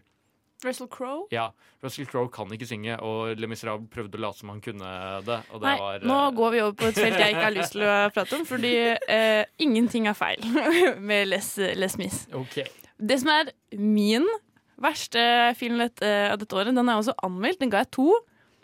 Og det er en norsk film, noe som jeg er veldig lei meg over. Fordi jeg had, har hatt så mye kjærlighet uh, og håp for norsk film de, de siste årene. Jeg har virkelig uh, sett frem til uh, barn og håp, og man får Det er så mye ros. Og så kommer Swingers. Regissert av eh, André Ekiz og Stig Frode Henriksen. Det er noe av det, det tristeste jeg noen gang har sett. Eh, det er så dårlig humor. Det er ingenting som Det er ikke sånn at det er sitter, De gangene jeg ler, så ler jeg av sympati. Av, fordi jeg er lei meg. Fordi dette går jo ikke. Ingenting henger sammen.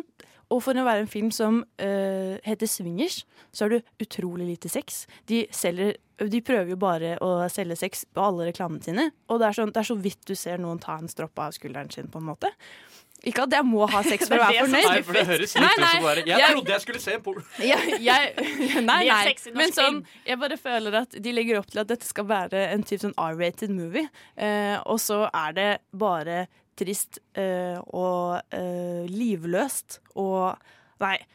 Nå er det det dårligste jeg har sett på lenge, egentlig. Ingenting godt å ta Det er til og med dårlig sånn eh, klipping. Det er lite kontinuitet mellom, mellom klippene. Og nei, jeg bare ble utrolig lei meg da jeg satt og så den på kino. Og, Trist. Ja. Så skam deg. Skam dere der ute. Skam dere, skam deg. alle som var med på denne filmen. Ja, fy faen. Kristin Ullebø, da. Shout-out til Kristin Ullebø. Nei, nei, nei, ikke shout. Hvis du, vet hva? Shout in. Hvis du hater filmen så mye, så er det ingen som plutselig skal få shoutouts midt i ranten din. Hun, hadde, hun er debuterte som skuespiller, og jeg syns hun var uh, Hun var jo en av de bedre. Og Ja. det sier jo Hun var det beste med Swingers. Ja. Absolutt Kristin Ullebø. Det beste. Gratulerer til deg. Ja. Julie, da, hva det, hva er det du ikke liker med 2019?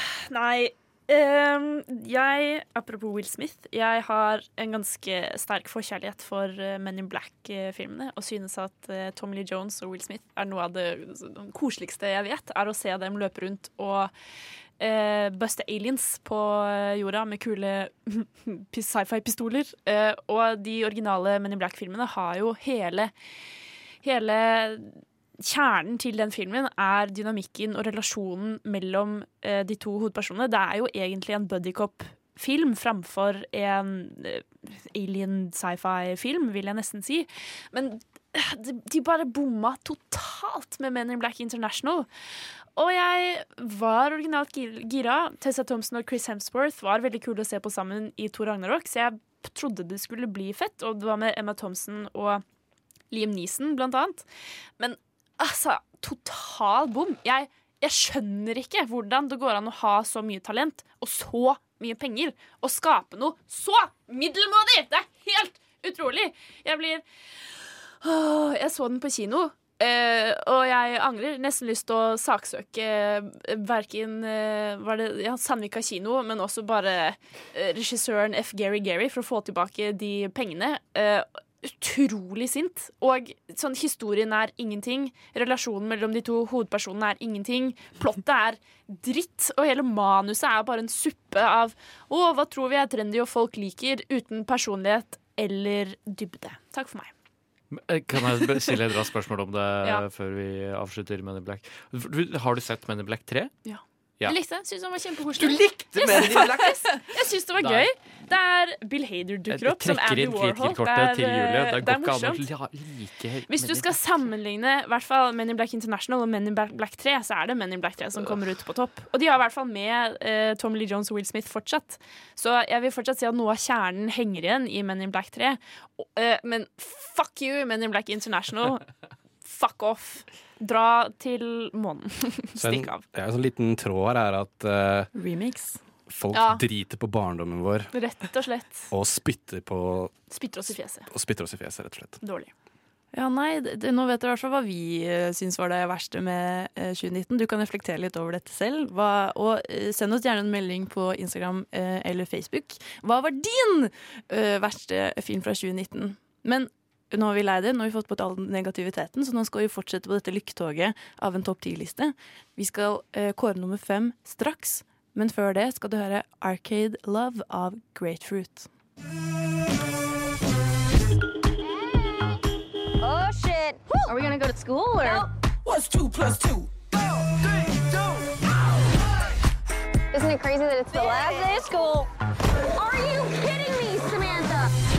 Go talk to her. She's got a really cute smile. Amy, do you know how many girls are going to be up your vagina next year? Every time I come to visit you, you're going to be scissoring a different girl. Dude, scissoring is not a thing. Don't knock it until It's you've not a tried it. thing. Don't knock it until you've tried it. Det du hørte lyden av der, er nummer fem på topp 10-listen til Nova Noir, og det er Booksmart. Verdens, øh, i hvert fall årets, morsomste eh, high school-komedie.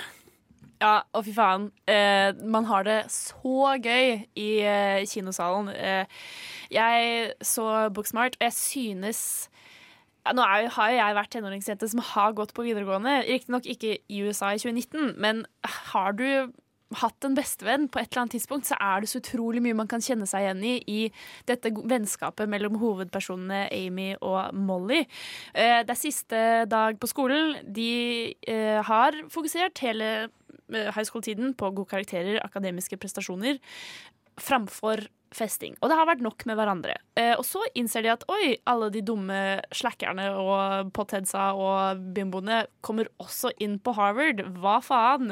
Men de har jo festa og vært kjemperowdy. Så nå, siste dag på high school, søker de etter den feteste senior year party for å kunne virkelig slå seg litt ville. For å ikke ha en ungdomstid kun preget av lekser og eh, debate-team, rett og slett. Og det er så gøy og hyggelig å se på. Alt er bare koselig med stor K. Eh, Jeg føler egentlig at hele denne filmen bare roastet min eh, videregående skolegang. Fordi jeg, den traff meg sånn i hjertet. Fordi jeg var så utrolig de to jentene som bare Kanskje ikke var så skoleflink, da, men dro ikke ut og festet. Og var ikke så veldig opptatt av eh, de greiene der. Og bare å kjenne skikkelig på det derre Oi, jeg var ikke med på noe av det, jeg. Og alle andre er ute og gjør kule ting hver helg, mens jeg bare sitter hjemme og, og, og gjør de ting jeg syns er hyggelig. Da. Det er ikke sånn at jeg har hatt det kjipt, men jeg føler samtidig på en slags FOMO, da. Eh, Det, fordi alle andre har hatt det så, så wild and crazy. Men det som er så eh, kult med eh, akkurat i Booksmart, er at ja, det er det som er greia, men det er et eh, I hvert fall fra Mollys side, som er veldig sånn Jeg skal eh, bli president, og jeg skal eh, veldig, ha veldig klare mål om hvor hun skal i livet. Har en veldig sterk idé om at dette er noe hun har valgt selv. Det er ikke nødvendigvis det at hun ikke har blitt invitert på fest, det er jo en del av det, så klart, som hun har kanskje begravd litt, men heller fått det for seg at sånn, det er hun som har bestemt at hun har fokusert på skole og valgt å ikke dra på fester og oppføre seg som en dum tenåring.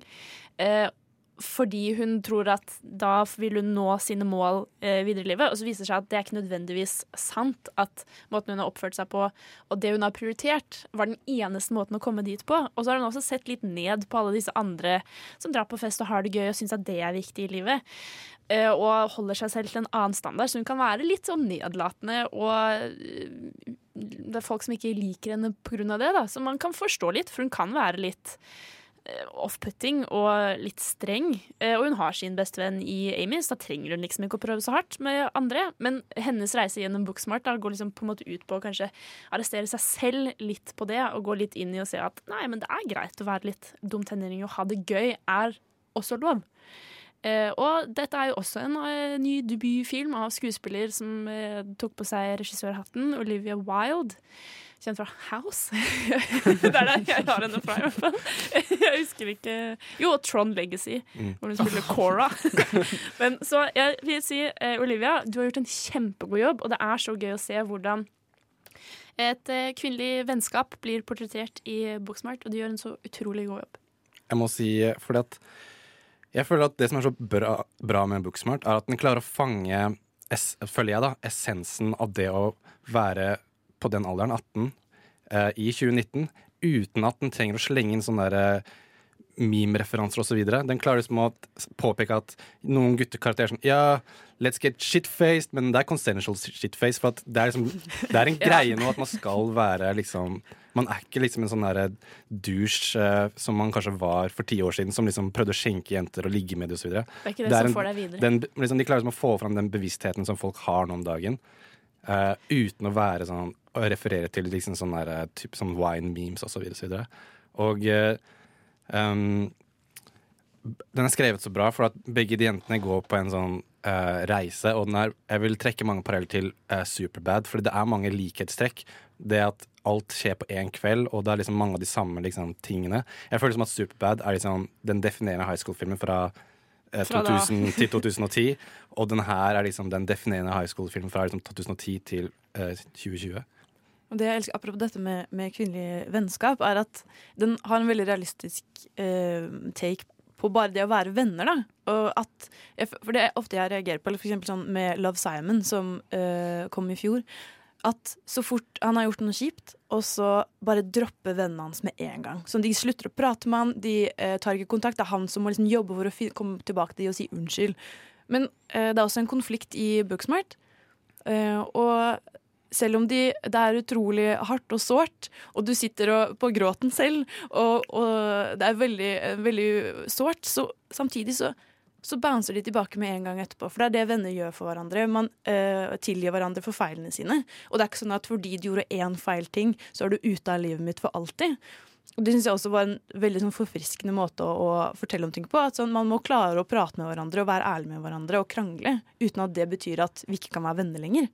Det eh, ble jeg utrolig glad av å se i Booksmart. Jeg synes også måten de to hovedrollene prater med hverandre, og den dialogen de har, føltes veldig autentisk, og veldig ikke som vi er voksne og har skrevet tenåringer. Den, eh, det bildet av Steve Buscemi når han er sånn What's up, fellow kids? kan ofte få liksom følelsen av det når det er tenåringsfilmer, og ofte at det kanskje skal være litt sånn belærende, og du skal, det, er en, det er en lekse her, da, ikke sant? Men i Booksmart så føles eh, alt veldig autentisk, og det er, som vi hørte litt i traileren, det er veldig gøy soundtrack. Og den er litt sånn klein og rar, fordi det er det hovedpersonene er når man, man er tenåring. ikke sant? Da er man litt dust, og det, man føler så utrolig sterkt eh, med, med disse to. Booksmart nummer fem på topp ti. Utrolig morsom eh, og eh, treffer deg veldig i magen. og absolutt, absolutt verdt en titt. Og kanskje da den nye Superbad. Nå skal vi videre til nummer fire på listen vår. Nå begynner det å snevre seg inn her. Men først skal du høre 'Forbudte frukter' er Daufødt.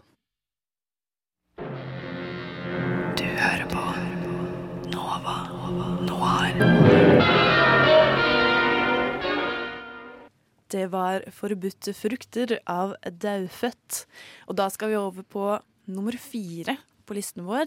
Det er fortsatt, du hører fortsatt på Nova Noir. Eh, sammen i studio er det meg, eh, Ina Sletten, eh, Julie Bjørn og Tage.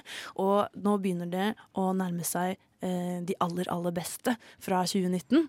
Og nummer fire det har vi også snakket litt om i dag, er fra en eh, regissør som mener at eh, han har en begrensning på hvor mange filmer han egentlig skal lage. Det er jo litt tvilsomt eh, hva som egentlig kommer til å skje med det, men her er i hvert fall den no niende filmen hans. I'm Rick Dalton. And that's my stunt double, Cliff Booth. Actors do a lot of dangerous stuff. Anybody order fried sauerkraut? Cliff here helps carry the load. Sounds like a good friend. I try. You know who I got living next door to me? I'm Sharon Tate. She's the hottest thing in town right now, probably the world. Man. Once upon a time prikk, prikk, prikk, in Hollywood. prikk, prikk, prikk. altså uh, Quentin Tarantinos niende film, som handler om uh, Rick Dalton og uh, Cliff Booth. som er De er i Hollywoods enden av Hollywoods gullalder. Og Rick Dalton kjenner det på kroppen, for å si det mildt blir kanskje ikke castet til så mye han vil lenger. Har vært, og nå må kanskje bevege seg inn i TV og kanskje litt italienske filmer og litt tvilsomme greier. For å holde seg eh, flytende i det lille bassenget sitt i, på toppen av Ja, i hvert fall. Der skuespillere bor, Der skuespillere bor og koser seg. og dette er da Leonardo DiCaprio og Brad Pitt som er gutta sammen, og, og uh, valser egentlig bare rundt i Hollywood og gjør sin greie. Det er jo veldig definisjonen av en hengefilm på mange måter. Vil dere ikke si det? Enig. Jo. jo. Store deler av filmen er jo at de bare chiller'n i sofaen og ser på. Å, nå kommer eh, episoden jeg er med i. Å, fy faen, der ble du flink, ass. jeg syns det var da eh, filmen fungerte best, da vi fikk se begge to på skjermen, og deres eh, relasjon til hverandre, og hvordan det eh, har betydd veldig mye for dem på forskjellige måter da, gjennom eh, sine karrierer. Apropos sånne A- og uh, uh, B-historier, det var noe vi pratet om uh, av lufta. at filmer som Superbad for eksempel, er avhengig av at det skjer ting ved siden av hovedhistorien. Og det gjør det i Once Upon a Time in Hollywood også. fordi ved siden av Rick Dalton og, og, Cliff Booth, så er Margot Robbie til, til stede og, og spiller ingen andre enn hva Sharon heter hun? Stone. Sharon Stone. Tate. Sharon Tate, faen. Sharon Tate. det er bra vi har med deg, Bjørn. Det er bra vi har deg, Bjørn. Og det var det som på en måte gjorde filmen kontroversiell. Eh, fordi du fikk vite ganske tidlig at det skulle handle om eh, Manson og eh, det lille kultet hans. Og de uh, gjerningene de eh, gjorde mot eh, Tate. Og det er det som jeg syns er det som er spennende med filmen. Fordi det er jo denne eh, Du sitter og venter på noe hele tiden. Eh, ja, de henger, og det er koselig, men du får hele tiden disse små innblikkene i Sharon Tate sitt liv. Og da får du også Du vet at det nærmer seg. At nå, nå må det jo skje snart. Eh, og det er det som på en måte også driver spenningen i filmen. Fordi egentlig så skjer det egentlig ikke så veldig mye før mot, mot akkurat på tampen. Det skjer jo masse. Det er Ja, men ikke det har ingenting- det er jo ingen- Ja, men det, Det er ikke en handling. Det er det som jeg liker med den filmen her. Det er en dagdrøm. Det er, altså, det er direkte innblikk i huet til Quentin Tarantino. Det er den tida som produserte mest av favorittfilmene hans. Det er den tida som hadde den filmkulturen han helt tydelig liker best, som du kan se på alle filmene som han har lagd eh, siden. En annen ting som skjedde på den tida, er eh, Manson Family Murders, som liksom både på en måte avslutta 60-tallet med liksom det derre drapet på eh, en up and coming filmstjerne som han tydelig har en egen veldig spesiell interesse for, og som han skulle ønske ikke døde da. Og han liker ikke den greia, så det er både liksom det derre Og hva om det hadde vært en stuntmann der til å bare knuse trynet til den ene som prøvde å så gjøre det. Så det er liksom både en sånn derre en sånn beskytterfantasi, det er en kompisfantasi, det er en fantasi om den tiden. Det er bare en eneste stor Å, sånn skulle jeg ønske ting eh, var eh, film. Og jeg elsker det. Men vil du egentlig kalle det jeg, en typisk Tarantino-film? Nei, ikke egentlig. Det er en, nesten en meta-Tarantino-film. Det er en uh, Tarantino-film om Tarantino-innflytelsene. Og den er, som, som jeg sier, jeg, jeg mener oppriktig at den er nå har han kommet såpass langt at nå, nå, skal jeg drite i å prøve å lage en bra film. Nå skal jeg bare lage akkurat det jeg vil lage, og gjøre det på en så god måte. Og, den, og får da casta liksom to av de mest kjente, berømte og for så vidt også flinkeste uh, Hollywood-skuespillerne de siste 20 årene til å spille liksom hele, hele liksom de som drar, drar oss gjennom den fantasien. Og det, ja, det, er, det er en lek, og jeg elsker det. Det er det som sjokkerte meg mest med Once Upon a Time in Hollywood. At jeg var på en måte veldig vant til hvordan Quentin Tarantino lager film og gjør film.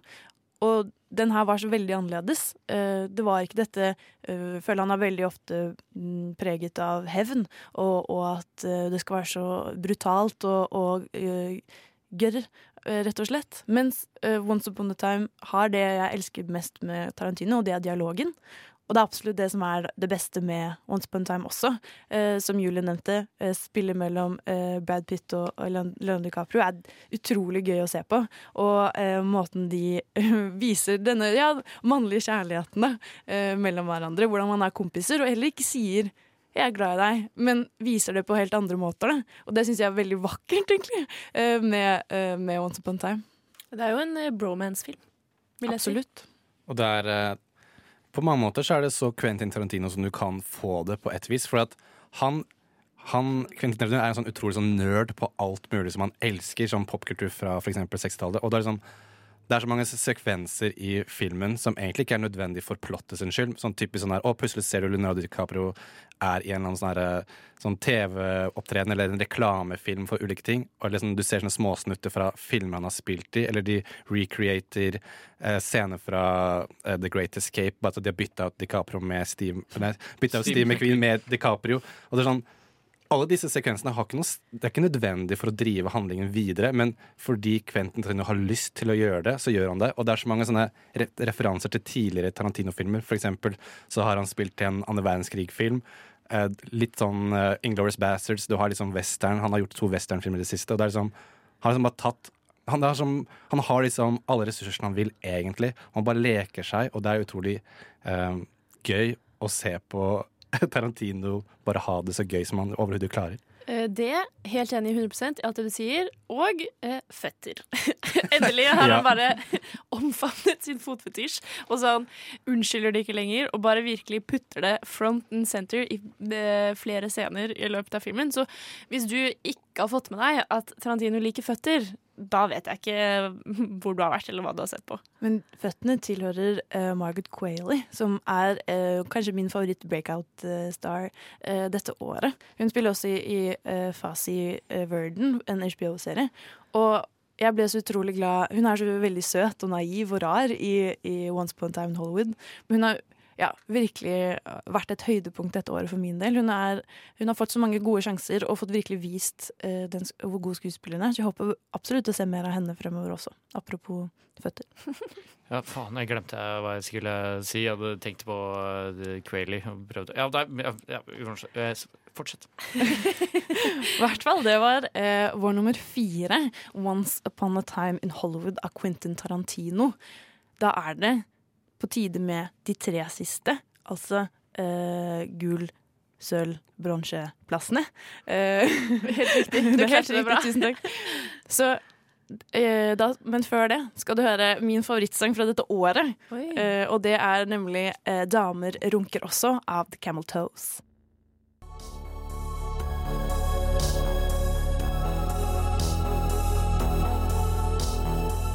Du lytter til Nova Noir.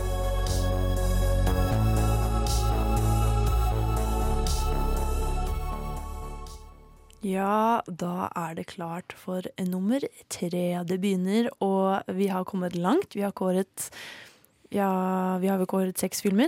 eh, Og nå er det tid for nummer tre på lista. Og det er en film eh, som også har eh, vært med i og vunnet Oscarer.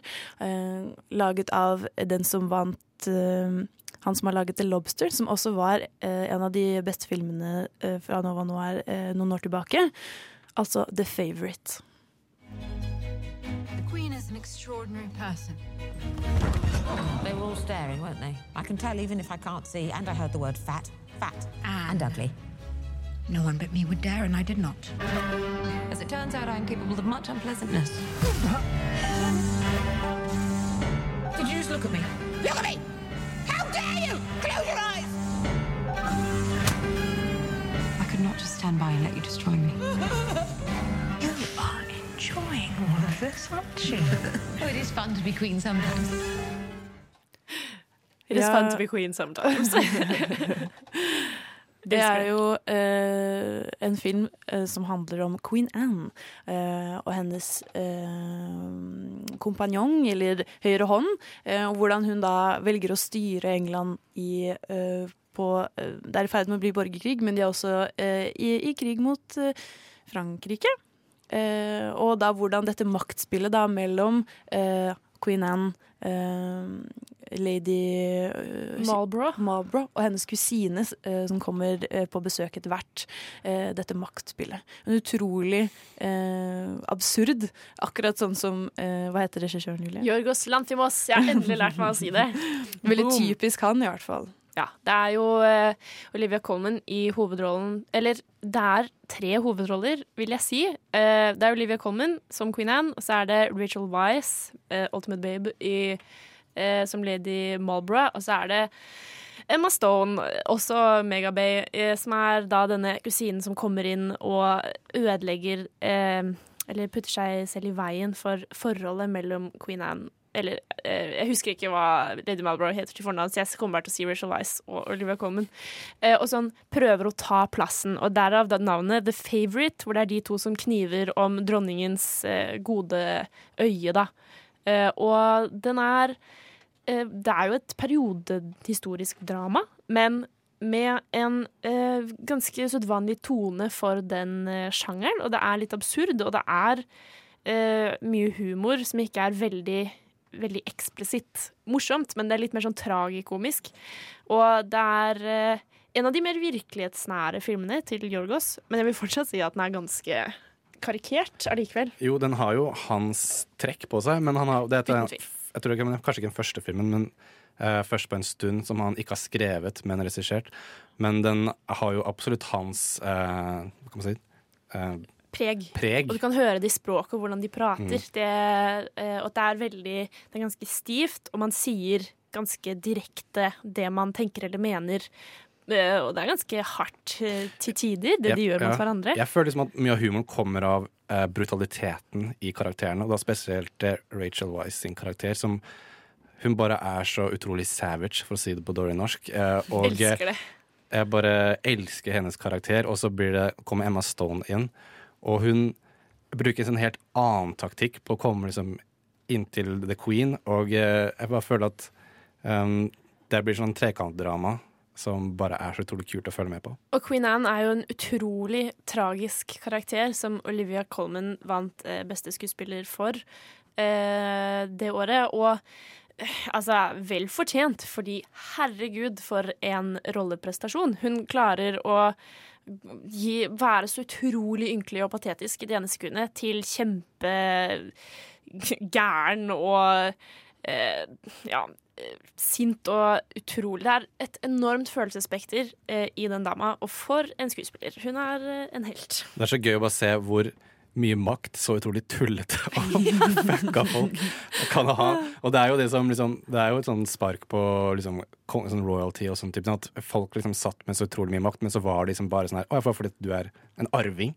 Og det er bare så gøy å se hvordan folk på en måte prøver å Litt sånn som Vice, at uh, de prøver som å de som kanskje ikke er den med tittelen, prøver å knive seg til det faktiske makten, makten med ekte skills. Ja, fordi min favorittkarakter er eh, den Nicholas Holt spiller, eh, Harley, som på en måte er lederen av opposisjonen, da, eh, eller opp opposisjonspartiet. Og han har liksom den, den vold, mest voldsomme parykken. Ser ut som han har Den veier sikkert sånn ti kilo eller noe.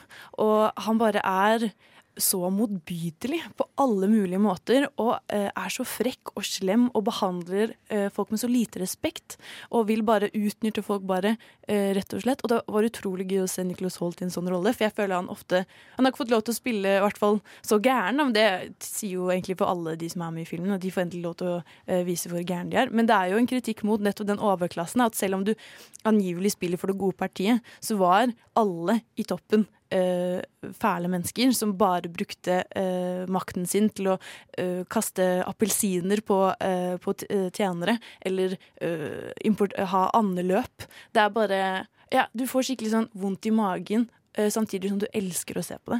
Jeg føler noen av de sekvensene må være direkte lånt fra Wolf of Wall Street. Der, eh, der, filmen i seg selv har jo veldig få paralleller med Wolf of Wall Street, men de, de scenene der er sånn herre Det er ikke den første jeg hadde tenkt på.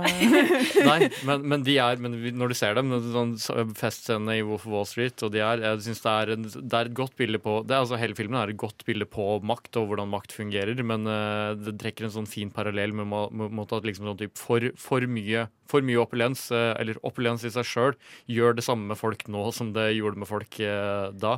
Og kanskje det beste bildet jeg har på Jeg, jeg følte var på makt i eh, filmen i seg sjøl, er når den Nicholas Holt-karakteren, som fram til da i filmen er litt sånn der silly og blir ikke hørt sånn som han vil høres, og så går han og så konspirerer Han prøver å trekke informasjon ut av Emma Stone sin karakter, og så bare ja, så er det sånn der, De har en slags sånn jevnbyrdig sånn de er begge mennesker, og hun er smart, og han er smart. Og så til slutt så er det sånn derre Ja, vi er begge smarte, men vet du hva jeg kan gjøre? Pop, dytter deg ut i grøfta. Og så er det sånn derre det, det er forskjellen med oss to. jeg kan gjøre det der, og det har ingen, det har ingen konsekvenser for meg.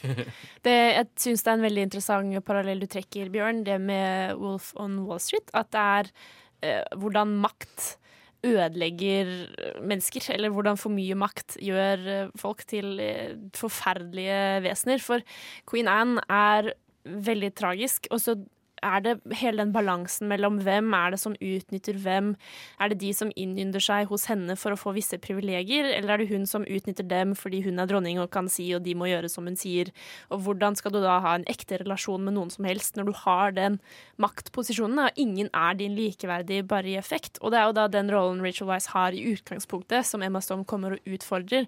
Og så er det også det Eh, Rachel Weisz, som Tage sa, hun er ganske savage. Hun er liksom brutalt ærlig med dronningen. Så man får først inntrykk av at oi, det virker jo ikke så sunt, egentlig. Det, sånn, er det hun som utnytter dronningen, egentlig? Og så begynner du å få litt mer følelsen av at kanskje det var omvendt på et visst punkt. Og så kommer Emma Stone oppi alt det her og tror at det er det hun vil ha, og så begynner hun å få litt makt etter hvert. Og det går ikke så bra for henne heller, så det er bare hvordan makt eh, Norsk er vanskelig. Corrupts. Ja. ja, hvordan det ødelegger Korrumperer. Ja, men det er så følte ikke ekte. Korrumperer. Vi kan eh, prate om The Favourite i, i eh, Ja, år kan år og dag. Og det er, derf- det er det som gjør uh, Jorgos Lantimos til en såpass flink regissør, og derfor The Favourite er nummer tre på vår topp ti-liste for 2019. Og nå skal vi opp på nest uh, førsteplass, altså nummer to.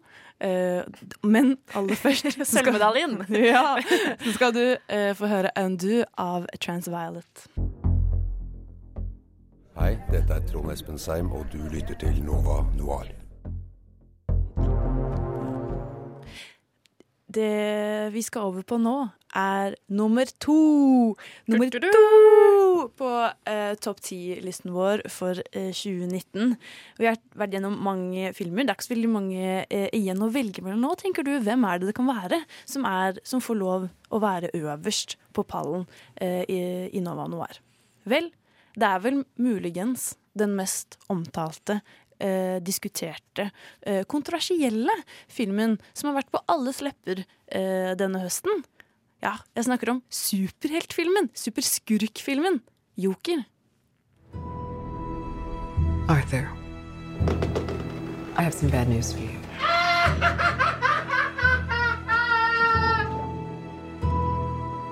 This is the last time we'll be meeting. You don't listen, do you? You just ask the same questions every week. How's your job? Are you having any negative thoughts? All I have are negative thoughts.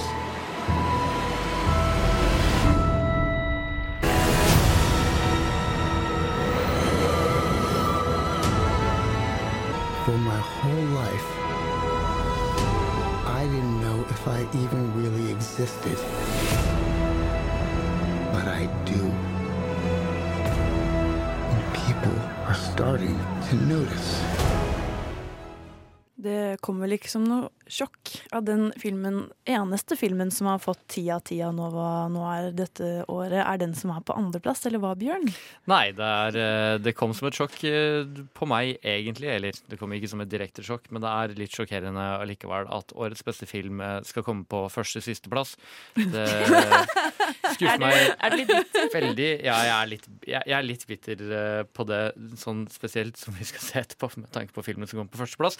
Litt uh, frampek Hei, hei, hei. der. Men kan du ikke fortelle oss hva Joker handler om? Da? Ja, Joker er eh, Altså jeg vil, jeg, jeg vil si det som så. Eh, det er jo som Todd Phillips sjøl sa det. Hva om vi later som vi skal lage en superheltfilm, og så bare lager vi en bra film?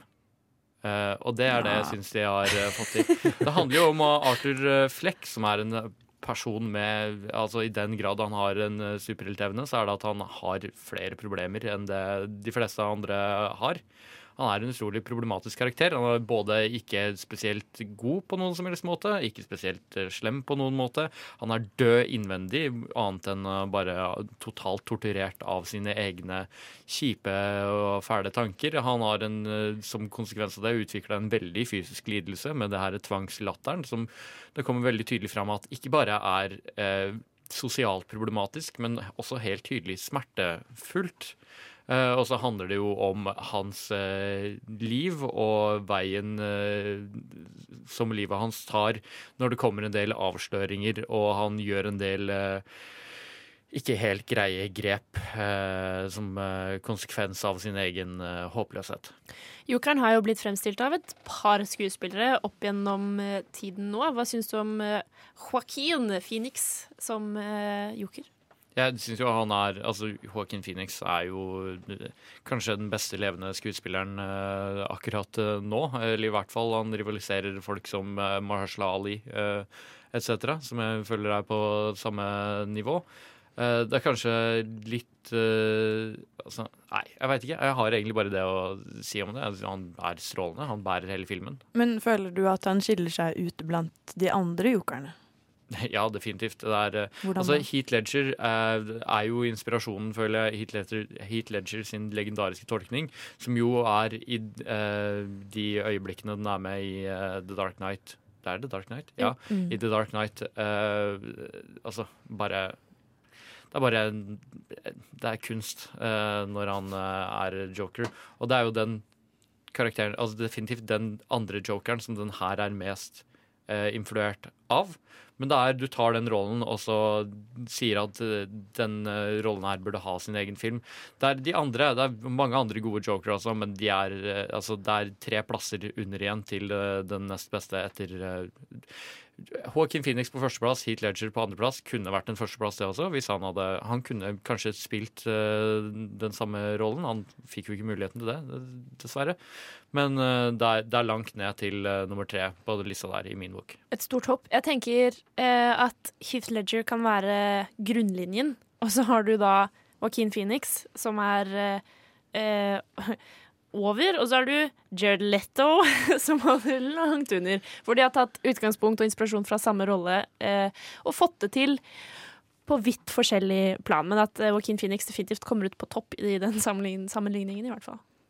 Det er uh, litt litt sånn som vi snakket om Adam McKay tidligere, at han har lagd mye komedier og sånn, og nå tatt den kunnskapen videre til uh, noe litt mørkere, er jo absolutt det også Todd Phillips har gjort. For han har jo laget Hangover-filmene!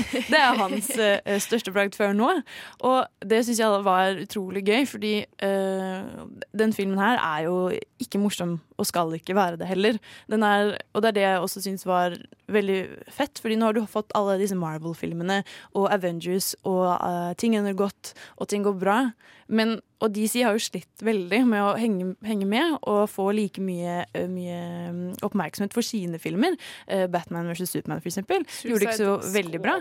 Men The Joker, nei, Joker, den toucher innom det som Marvel ikke tør. Det mørke og det brutale og det fæle ved å være eh, bare ved livet da, og ved mennesket, og vise kanskje den mm, den delen av livet som eh, blir veldig glorifisert da, eh, i andre superheltfilmer. Man glemmer veldig fort at Joker er en superheltfilm, eller superskurkfilm. Eh, Det er jo heller ikke det.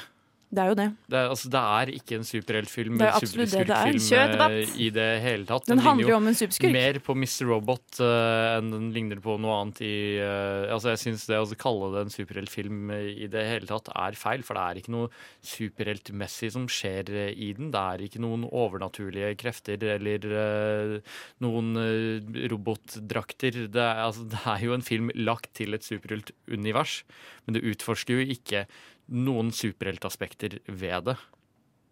Jeg er uenig, for det er jo basert på uh, jokeren, og introduserer også til og med Batman. Det er jo beviselig ikke egentlig det heller. Sånn, eh, det var jo sånn som uh, Joaquin Phoenix, uh, og det var snakk på lenge at de ikke skulle ha med uh, Wayne-familien, eller noe som egentlig refererte til annet enn at det fant sted i Gotham, og at det var Arthur Fleck som skulle bli Joker. Så det er jo liksom sånn type, det er i det universet, og det er jo inspirert av det universet, men det er i beviselig grad ikke så veldig inspirert av ting som faktisk skjer i andre, andre Joker-narrativer eh, heller.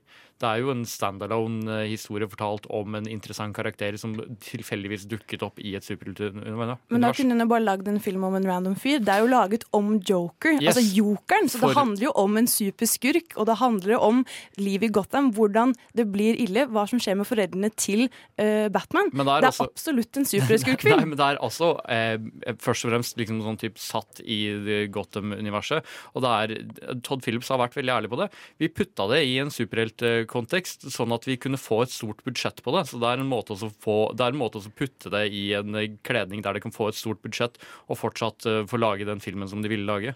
For det som slo meg når jeg så film, var at um, jeg satte veldig pris på alt den gjorde, men jeg tenkte sånn, sånn historiemessig så ha, hadde det ikke trengt å være The Joker, egentlig. Fordi på mange måter så er det her en slags sånn uh, Ikke direkte remake, men har tatt mye inspirasjon fra både Taxi Driver og uh, King of Comedy, hvor eh, begge spilt av Robert De Niro, hvor de liksom er satt i New York på jeg vet ikke hva det er, 70-tallet, eller sånn grumsete New York. Og det er liksom sånn plottmessig veldig like begge filmene, egentlig. Men jeg følte at den var utrolig bra lagd, utrolig bra spilt av Joaquin Phoenix.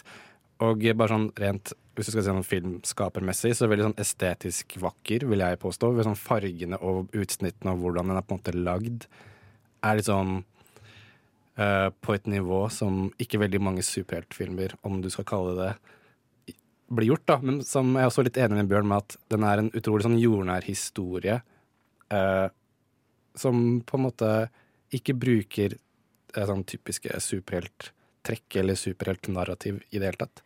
Det er jo litt, eh, litt gøy å se sammenligninger med det estetiske. da, Hvordan Ina kommenterte det på Green Book, og hvordan du legger merke til det estetiske i en film, og at det slår deg. Eh, Da har de jo definitivt gjort noe riktig, og det samme gjelder jo for eh, Joker. Men når dere sier, eh, Tag og Bjørn, at det, er en historie som godt kunne ha skjedd ute av universet, uten Joker som personlighet, uten Gotham som backdrop. Ja, ja, det stemmer jo det, men det er ikke tilfellet. Tilfellet er at det er, handler om Joker, og at de valgte å putte det i Gotham med Wayne-familien, og det er jo en origin story på et vis. Så jeg, jeg er enig i at den kunne blitt satt utenfor, og allikevel vært veldig spennende og veldig bra, men det er ikke virkeligheten. Det er ikke tilfellet. Så det blir, det blir det, altså, det er et argument, sure, men det, det, er, det er ikke riktig. Det blir feil. Og bare fordi den ikke uh, tilbyr de klassiske superheltkarakteristikkene, så betyr ikke det at det ikke kan være en eh, superskurkfilm. Bare fordi den ikke eh, minner deg om Avengers eller eh, andre typer Marvel-filmer. Men det er det jeg vil bare poengtere at eh, Joker er for min del kanskje ikke den beste filmen, men det er den, det jeg legger aller mest vekt på, og det som gjør Joker så utrolig bra, er denne, denne diskusjonen. Og som jeg nevnte tidligere eh, med andre filmer som også har skapt diskusjon. Det er absolutt det jeg syns er mest gøy med film. En film som klarer å uh, bli pratet om så mye i media, og så mange forskjellige anmeldelser. Jeg følte, føler som regel at uh, anmeldere er ganske sånn Det er en, ganske likt, sånn, enten en, en femmer eller en sekser. Det er ganske likt, men her har det vært liksom, folk som har gitt en tre, og folk som har gitt en seks. og Folk som krangler uh, på ekte fordi de mener dette er det beste sett, mot en som sier at 'nei, jeg syns ikke det var så veldig bra'. Og Du- det er dritfett med Joker. Du kan ha to personer som gir den her tre av seks, og fortsatt krangler om hva som er bra og dårlig i den. Absolutt. Og jeg syns at det i seg selv er godt nok til å være nummer to på topp ti-listen vår. At det er en film som, i hvert fall i, vår redaksjon, har skapt mye, uh, mye uenigheter. Beviselig. Ja. uh, og det kommer det til å fortsette å gjøre også, fordi selv om det er lenge siden den, eller ikke lenge siden, men det er noen måneder siden den hadde premiere, så er det fortsatt et tema. Og Ja, og jeg bare syns at, som du sier, Ina, at eh, de beste filmene er de som er polariserende, i mine øyne. For at det blir lagd så få polariserende filmer om dagen, så jeg setter pris på filmer som bare, bare er det. Men de tør å ta et standpunkt, og det setter vi pris på. Absolutt. Og da er det veldig kort tid igjen før dere får vite hva som Nova Noir syns er den aller beste filmen i 2019. Nummer én! For dette var nummer to, Joker. Og, men før den tid, jeg skal holde deg litt på pinebenken, litt bitt til. For nå skal du høre 'Penger og jobb' av Kill Døden. I'm your number one fan. There is nothing to worry about. You're gonna be just fine. I'll take good care of you. Nova Noir er her for å passe ekstra godt på deg hver torsdag fra 10 til 12. Ja, ja, ja, ja, nå er det på tide å kåre nummer én. Altså den beste, angivelig beste filmen i hele én. Nummer én i hele 2019. Vi har sittet her nå i to og en halv time og pratet om eh, masse god film. Men denne, dette er den som liksom slår alle. Som eh, vinner alle slagene. Og vi har jo sett det gjennom hele denne listen, at superhelter det er noe som går igjen. Og det er noe vi syns er fett, og som har blitt eh, noe, noe helt eget innen filmverden. Og da er det selvfølgelig at nummer én også er en superheltfilm. Og det handler om Spiderman. Nei, ikke Spiderman Far From Home. Heldigvis. Kan du se for deg? men men Spiderman Into the Spider-Verse. My name is Miles Morales. I'm the one and only Spider-Man. At least that's what I thought. You ever hear of the Super Collider? You're gonna love this. Dimension opening now. You're like me. That's impossible. All right, kid, listen up. This fry is your universe. It's soggy, it's weird, it's gross. And this delicious normal fry is my universe.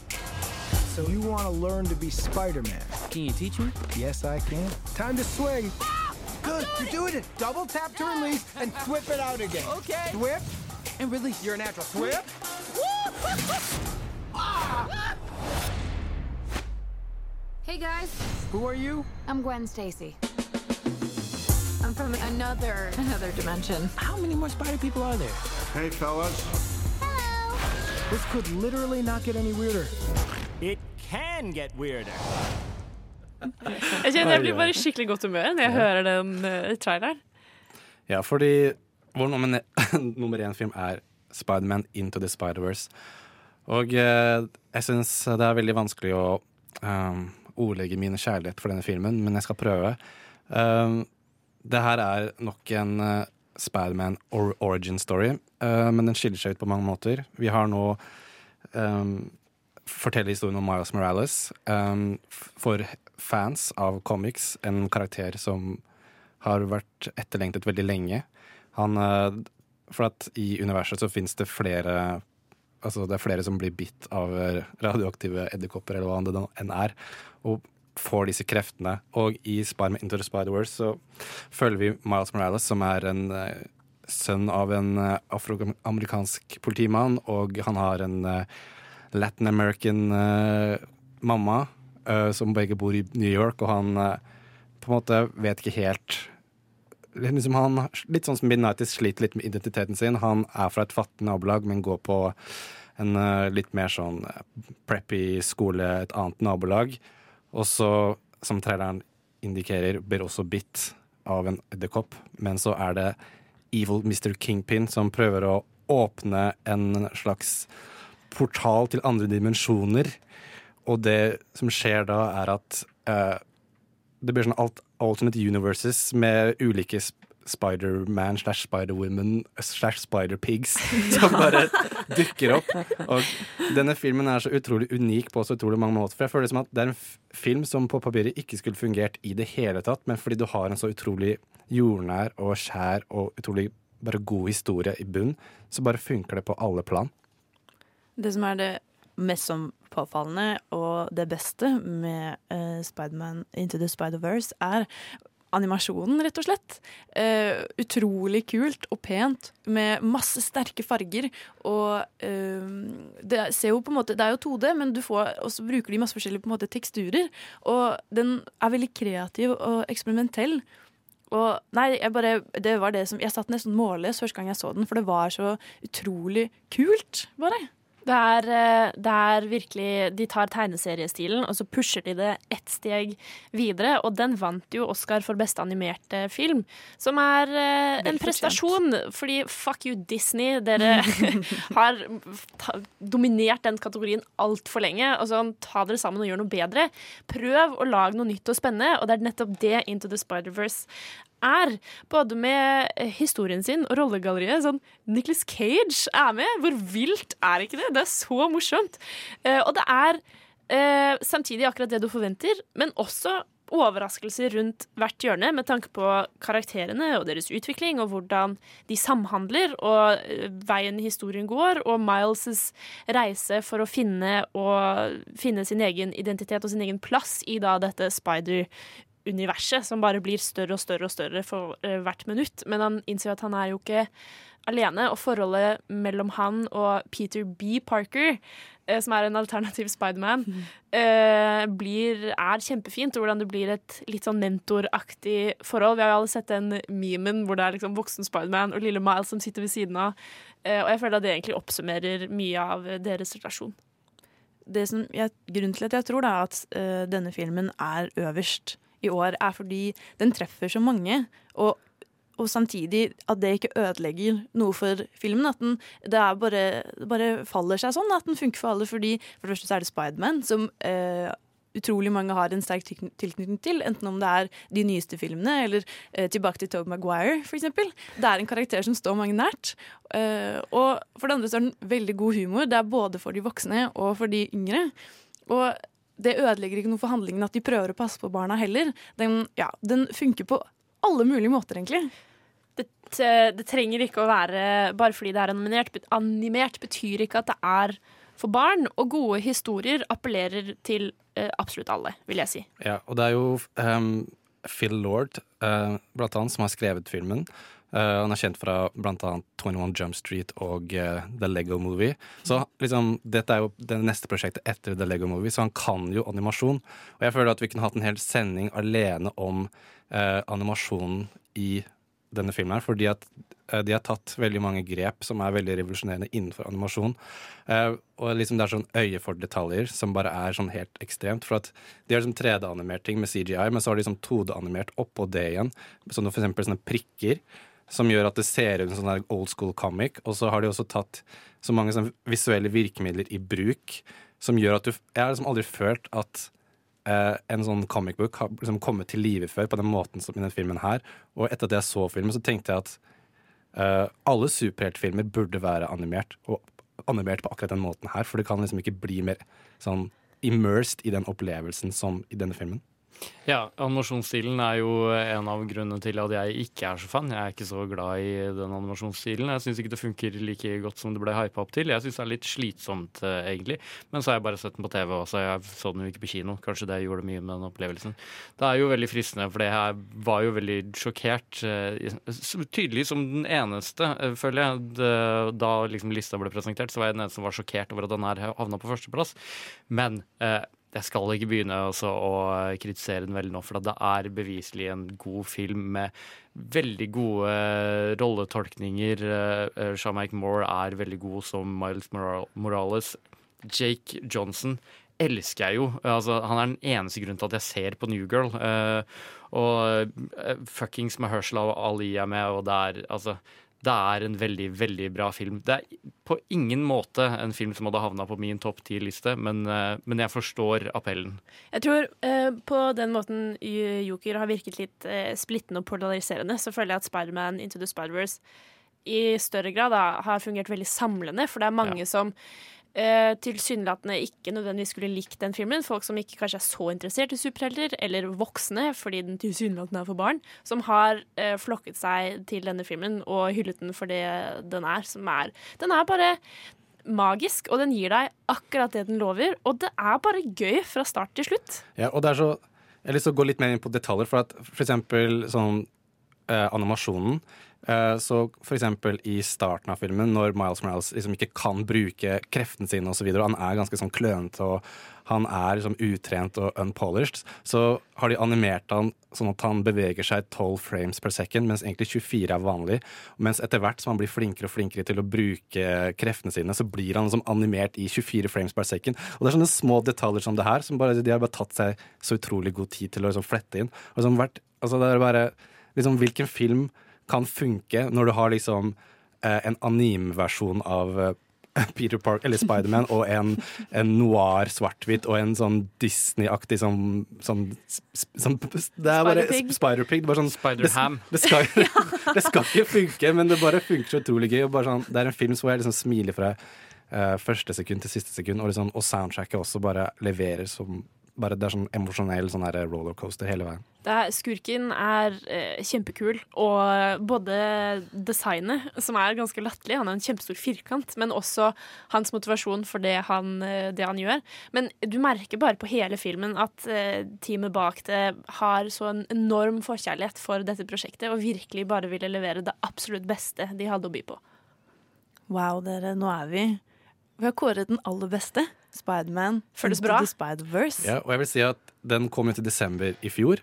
Og eh, liksom sammenlagt i fjor og i år så ble den kanskje sett sånn ca. 100 000 ganger liksom 100, av 100 000 på kino i Norge.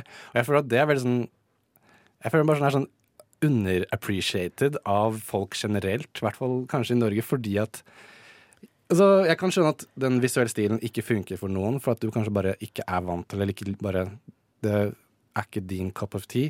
Men sånn historiemessig så bare syns jeg det er en nærmest perfekt film, faktisk. En nærmest perfekt film, og da fortjener den jo også den høyeste plassen det man kan få. Førsteplassen. Nå har vi gått gjennom Nova Noirs topp ti filmer. Og som jeg nevnte tidligere, så er det jo dette bare Dette er bare ti filmer, og det er så mange andre gode filmer som akkurat ikke fikk blitt med. Og vi skal ta et lite øyeblikk til å nevne de også. Men du kan tenke over din, kanskje din egen topp ti-liste i mellomtiden, mens vi hører på Kvartlivskrise av Skåveien. Nova Noir. Vi har gått gjennom Nova Noirs topp ti mm, filmer i 2019. Og hvis du ikke fikk det med deg, så kommer vi til å legge ut en nettsak eh, på Radio Novas nettsider, hvor du kan lese eh, enda bedre begrunnelser for hvorfor vi akkurat valgt disse filmene eh, som topp ti. Den kommer ut i løpet av dagen, så vær så snill, sjekk den ut. Da får du også kommentarer fra de som ikke kunne være med i, studio i dag. Og som nevnt så var det 52 filmer som ble nevnt når vi prøvde å finne de topp ti fra 2019. Og en del falt uh, utenfor. Så nå tenkte vi at vi skulle gi en liten, en liten minnestund, nesten, til de filmene som uh, ikke fikk lov til å bli uh, hyllet like høyt i dagens sending. Hva syns du er kjipt at det ikke kommer på lista, Bjørn? Altså, Jeg vet ikke om jeg syns det er så kjipt at det ikke kommer på lista, for jeg forstår det på en måte, men jeg likte The Sisters Brothers veldig godt. Filmen med, med Jacqueline Phoenix. Ja, så jeg utpeker meg sjøl bare som uh, Joaquin Phoenix-hore, men uh, Det er, Men, det er verre eh, ting å være det for. Absolutt. uh, men uh, men jeg, syns det var med, med Joaquin Phoenix og nå, nå, nå, Han fra stopper. Step Brothers. Ja, han fra Step Brothers. Det er ikke Riley. ja, John C. Riley. Mm. Der. Beklager det. Men ja, der, de er to basically leiemordere i cowboyverden, og så blir de sendt ut for å drepe noen som har eh, en, eh, en kjemisk teknikk som kan eh, utfordre eller rivalisere liksom, makta til den som sender dem ut. Og så skjer det mye morsomt på veien. John C. Reilly oppdager tannpussen og sånne ting som jeg syns er veldig sjarmerende. Og alt i alt så er det det er, det er ikke en, en historie som passer godt inn i noe format, egentlig, men det føles veldig jeg hater det ordet, men autentisk. eh, Det, det, det kunne vært litt eh, sånn, annet enn at de har en overmenneskelig skarpskytterevne. da. Det. Jeg husker når jeg dro for å se den på kino, så tror jeg kanskje at traileren har lagt den opp til å være en helt annen sjanger. For jeg forventet meg en mørk komedie Mm. uh, som skulle være ganske drøy og, og, og morsom. Men denne filmen er jo ikke spesielt morsom. Den er jo eh, veldig seriøs og eh, føltes litt lang. Og også ganske brutal eh, på tidspunkter. Så tror, det eneste jeg som ødela det for meg, at jeg hadde helt feil forventninger når jeg gikk inn i kinosalen. I ettertid så så jeg at, jo at det er jo en god film, men jeg bare, jeg ble veldig sånn, hele filmen så ble jeg preget av at men når kommer det morsomme, da?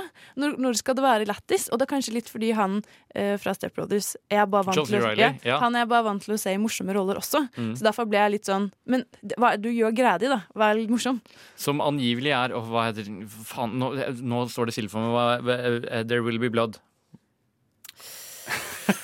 altså, Hva heter hovedpersonen i The Real World? Han fyren som spiller hovedpersonen i altså, Vår tids beste skuespiller, kanskje. Nå har jeg sagt det om mange, men uh, Var ikke det, var ikke det Joaquin Phoenix? Nei, eh, faen i helvete. Du kan ikke nevne personer. Helt, uh, Du må eh, bare gjøre sånn her, Bjørn. Helt, Han som spilte i Lincoln. Vi må finne det. nå Daniel. Day-Lewis. John C. Riley oh, ja. er visstnok en av Daniel Day-Lewis sine favorittskuespillere. Så eh, John C. Riley er jo bare en god skuespiller, selv om han stort sett har spilt i komediske filmer. Eh, og det, er, eh, det virker som om de som har drevet marketing for The Sisters Brothers, ikke har sett filmen. De har bare fått et inntrykk De har også sett trynet hans og fått det samme inntrykket. Det her er noe morsomt. Men det er jo egentlig bare en god historie. Mm. Så det var, etter mye om og men, det jeg hadde å si om The Sisters Brothers. Min favoritt, som ikke ble med i topp ti-lista til Noir, er en dokumentar, faktisk, som heter Free Solo. Som vant Oscar? Oscar? Ja, som vant Oscar for beste dokumentar. Og uh, den er utrolig bra lagd, og det er en veldig unik historie. Uh, ikke nødvendigvis fordi at den er så hva kan jeg si, rørende, for så vidt. Men den er veldig utrolig, fordi at det er en fyr som heter um, så mye som Oi, shit. Nå var vi dårlige dårlig var på navnet. Det har vært en lang sending. jeg er Alex på Ja. Lang dag. Ja, Alex. Som driver med sånn fri, vet du, heter friklatring. At du liksom klatrer på fjell uten noen form for- sikring i det hele tatt. Og det er liksom uh, Det er ett uh, fjell, om man kan kalle det det, som er liksom El Capitan. El Capitan, som er som alle klatrers store liksom Det er liksom Det er sånn myteomspunnet å liksom kunne klare å klatre opp det der stedet der uten eh, Og så gjøre det free solo. Eh, og eh, hele dokumentaren handler om han og hvordan han på en måte trener seg opp til å liksom gjennomføre det, det da. Og for en person som har ganske sånn medium pluss høydeskrekk, så er siste sekvensen av filmen er bare at han klatrer opp.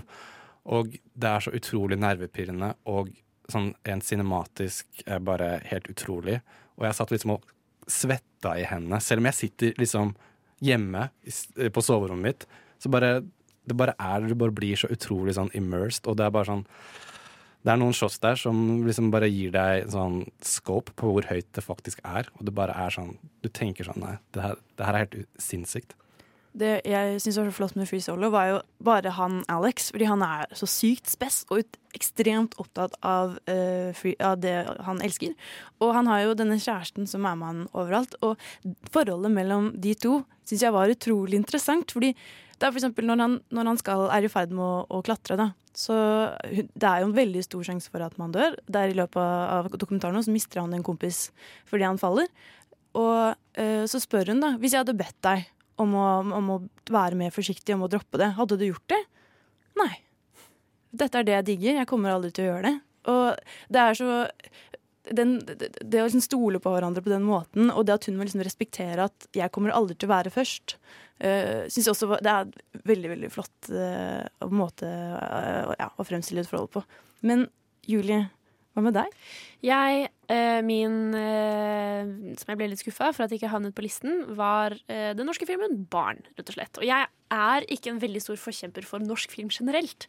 Så da jeg så Barn på kino, så ble jeg litt, veldig positivt overrasket. For jeg så traileren, så tenkte jeg oi, hva slags melodramatisk tull er det her for noe? Men eh, satt der i kinosalen og ble helt overbevist, og jeg kjøper definitivt det barn selger, fordi herregud, den er Den var veldig morsom, som var ganske overraskende, og der eh, tar et par karakterer sånn veldig på kornet, og det er mye man kan kjenne seg igjen i, for det handler jo om en eh, eh, en 14 år gammel jente som med et uhell eller ikke dreper en gutt på eh, barneskolen. Og da er det jo alt blir satt i sving, og hvor er, ligger ansvaret, og hvem skulle være på fotballbanen akkurat klokken kvart på to. Sånn, jeg har jobbet på barneskole, jeg kjenner meg veldig igjen i det. Så det at de klarte å bare virkelig karikere eh, sånn noen lærere på visse vis, var eh, ufattelig gøy å se på. Og rollegalleriet er jo også helt utrolig. Og det er jo eh, Henriette Stensrup blant annet, som spiller denne rektoren som må finne ut av det, og Torbjørn Harr som spiller eh, Frp-politiker, som er da faren til denne sønnen som, blir, som dør. Eh, og de innleder et forhold, og familien hennes er Ap-velgere og er sånn Hæ, hvorfor sa du ikke noe om dette? Det er, det er bare så utrolig mange lag da, av eh, satire og samfunnskritikk som jeg ikke helt var forberedt på, men som jeg syntes var ufattelig gøy da jeg satt der i, eh, i kinosalen.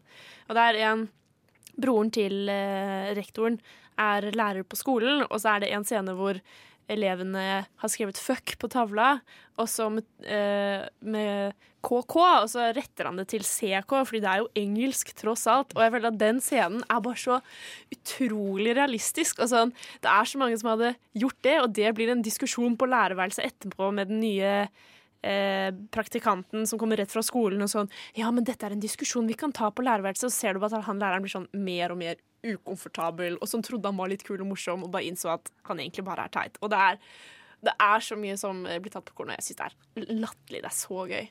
Det er jo litt trist at vi ikke har fått inn noen norske filmer på eh, topp 10-listen vår, men Barn var så, så veldig nære med å være med, og absolutt, i motsetning til Swingers, da, er, eh, som jeg ikke syns var så veldig godt, i hvert fall for norsk film, så rydder Barn opp og gjør det heldigvis eh, bra igjen. Nå har vi fått nevnt noen av de vi eh, savner på lista, men som vi hjertelig anbefaler eh, deg, kjære lytter, å sjekke ut. Vi er straks ferdig med dagens sending, men først skal du få høre Sweets av eh, Daughters of Reykjavik.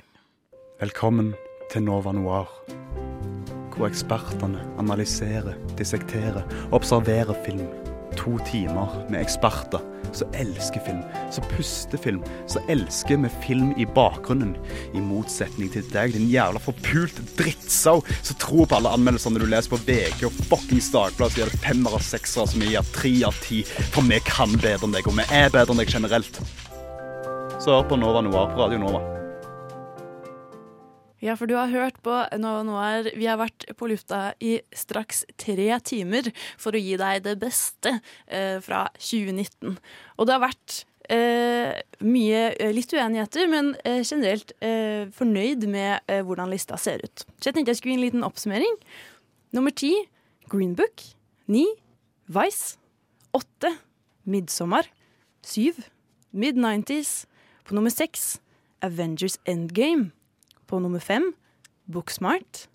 Nummer fire Quentin Tarantinos Once Upon a Time in Hollywood. Nummer tre The Favourite. På nummer to den kontroversielle Joker. Og til slutt Spiderman Into the Spider-Verse. Og hvis du har lyst til å lese mer, og, eller bare få en liten oppfriskning i hvorfor vi valgte akkurat disse filmene, da kan du gå inn på radionova.no og lese nettsaken vår, hvor vi begrunner det enda tydeligere hvorfor dette er best.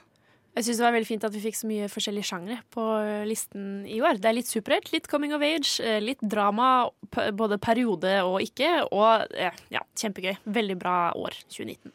Og vi gleder oss utrolig mye til eh, 2020. Det er mye gøy film som kommer, og vi tar det imot med åpne armer. Dette er den siste sendingen fra Nova Noir i 2019. Jeg har vært Ina Sletten. Julie Oskar Andersen var meg. Bjørn Kristian Sveen. Og Tage Rivas Tollefsen. Og på teknikk så har vi hatt Ragnhild Bjørlikke. Vi i Nova Noir ønsker deg en ø, riktig god jul, om det er lov å si det så tidlig. Men uansett, lykke til på eksamen. Lykke til med ø, jobbsøk. Lykke til med alt, egentlig. Og så snakkes vi på nyåret. Kan også kanskje love at det kommer et par uh, Noir-sendinger innimellom der òg, men det får vi se på. Uansett, ha en fortsatt fin dag. Ha det bra. Ha det. Ha det. Radio Nova er best. Alle andre er tapere. Radio Nova. Mm.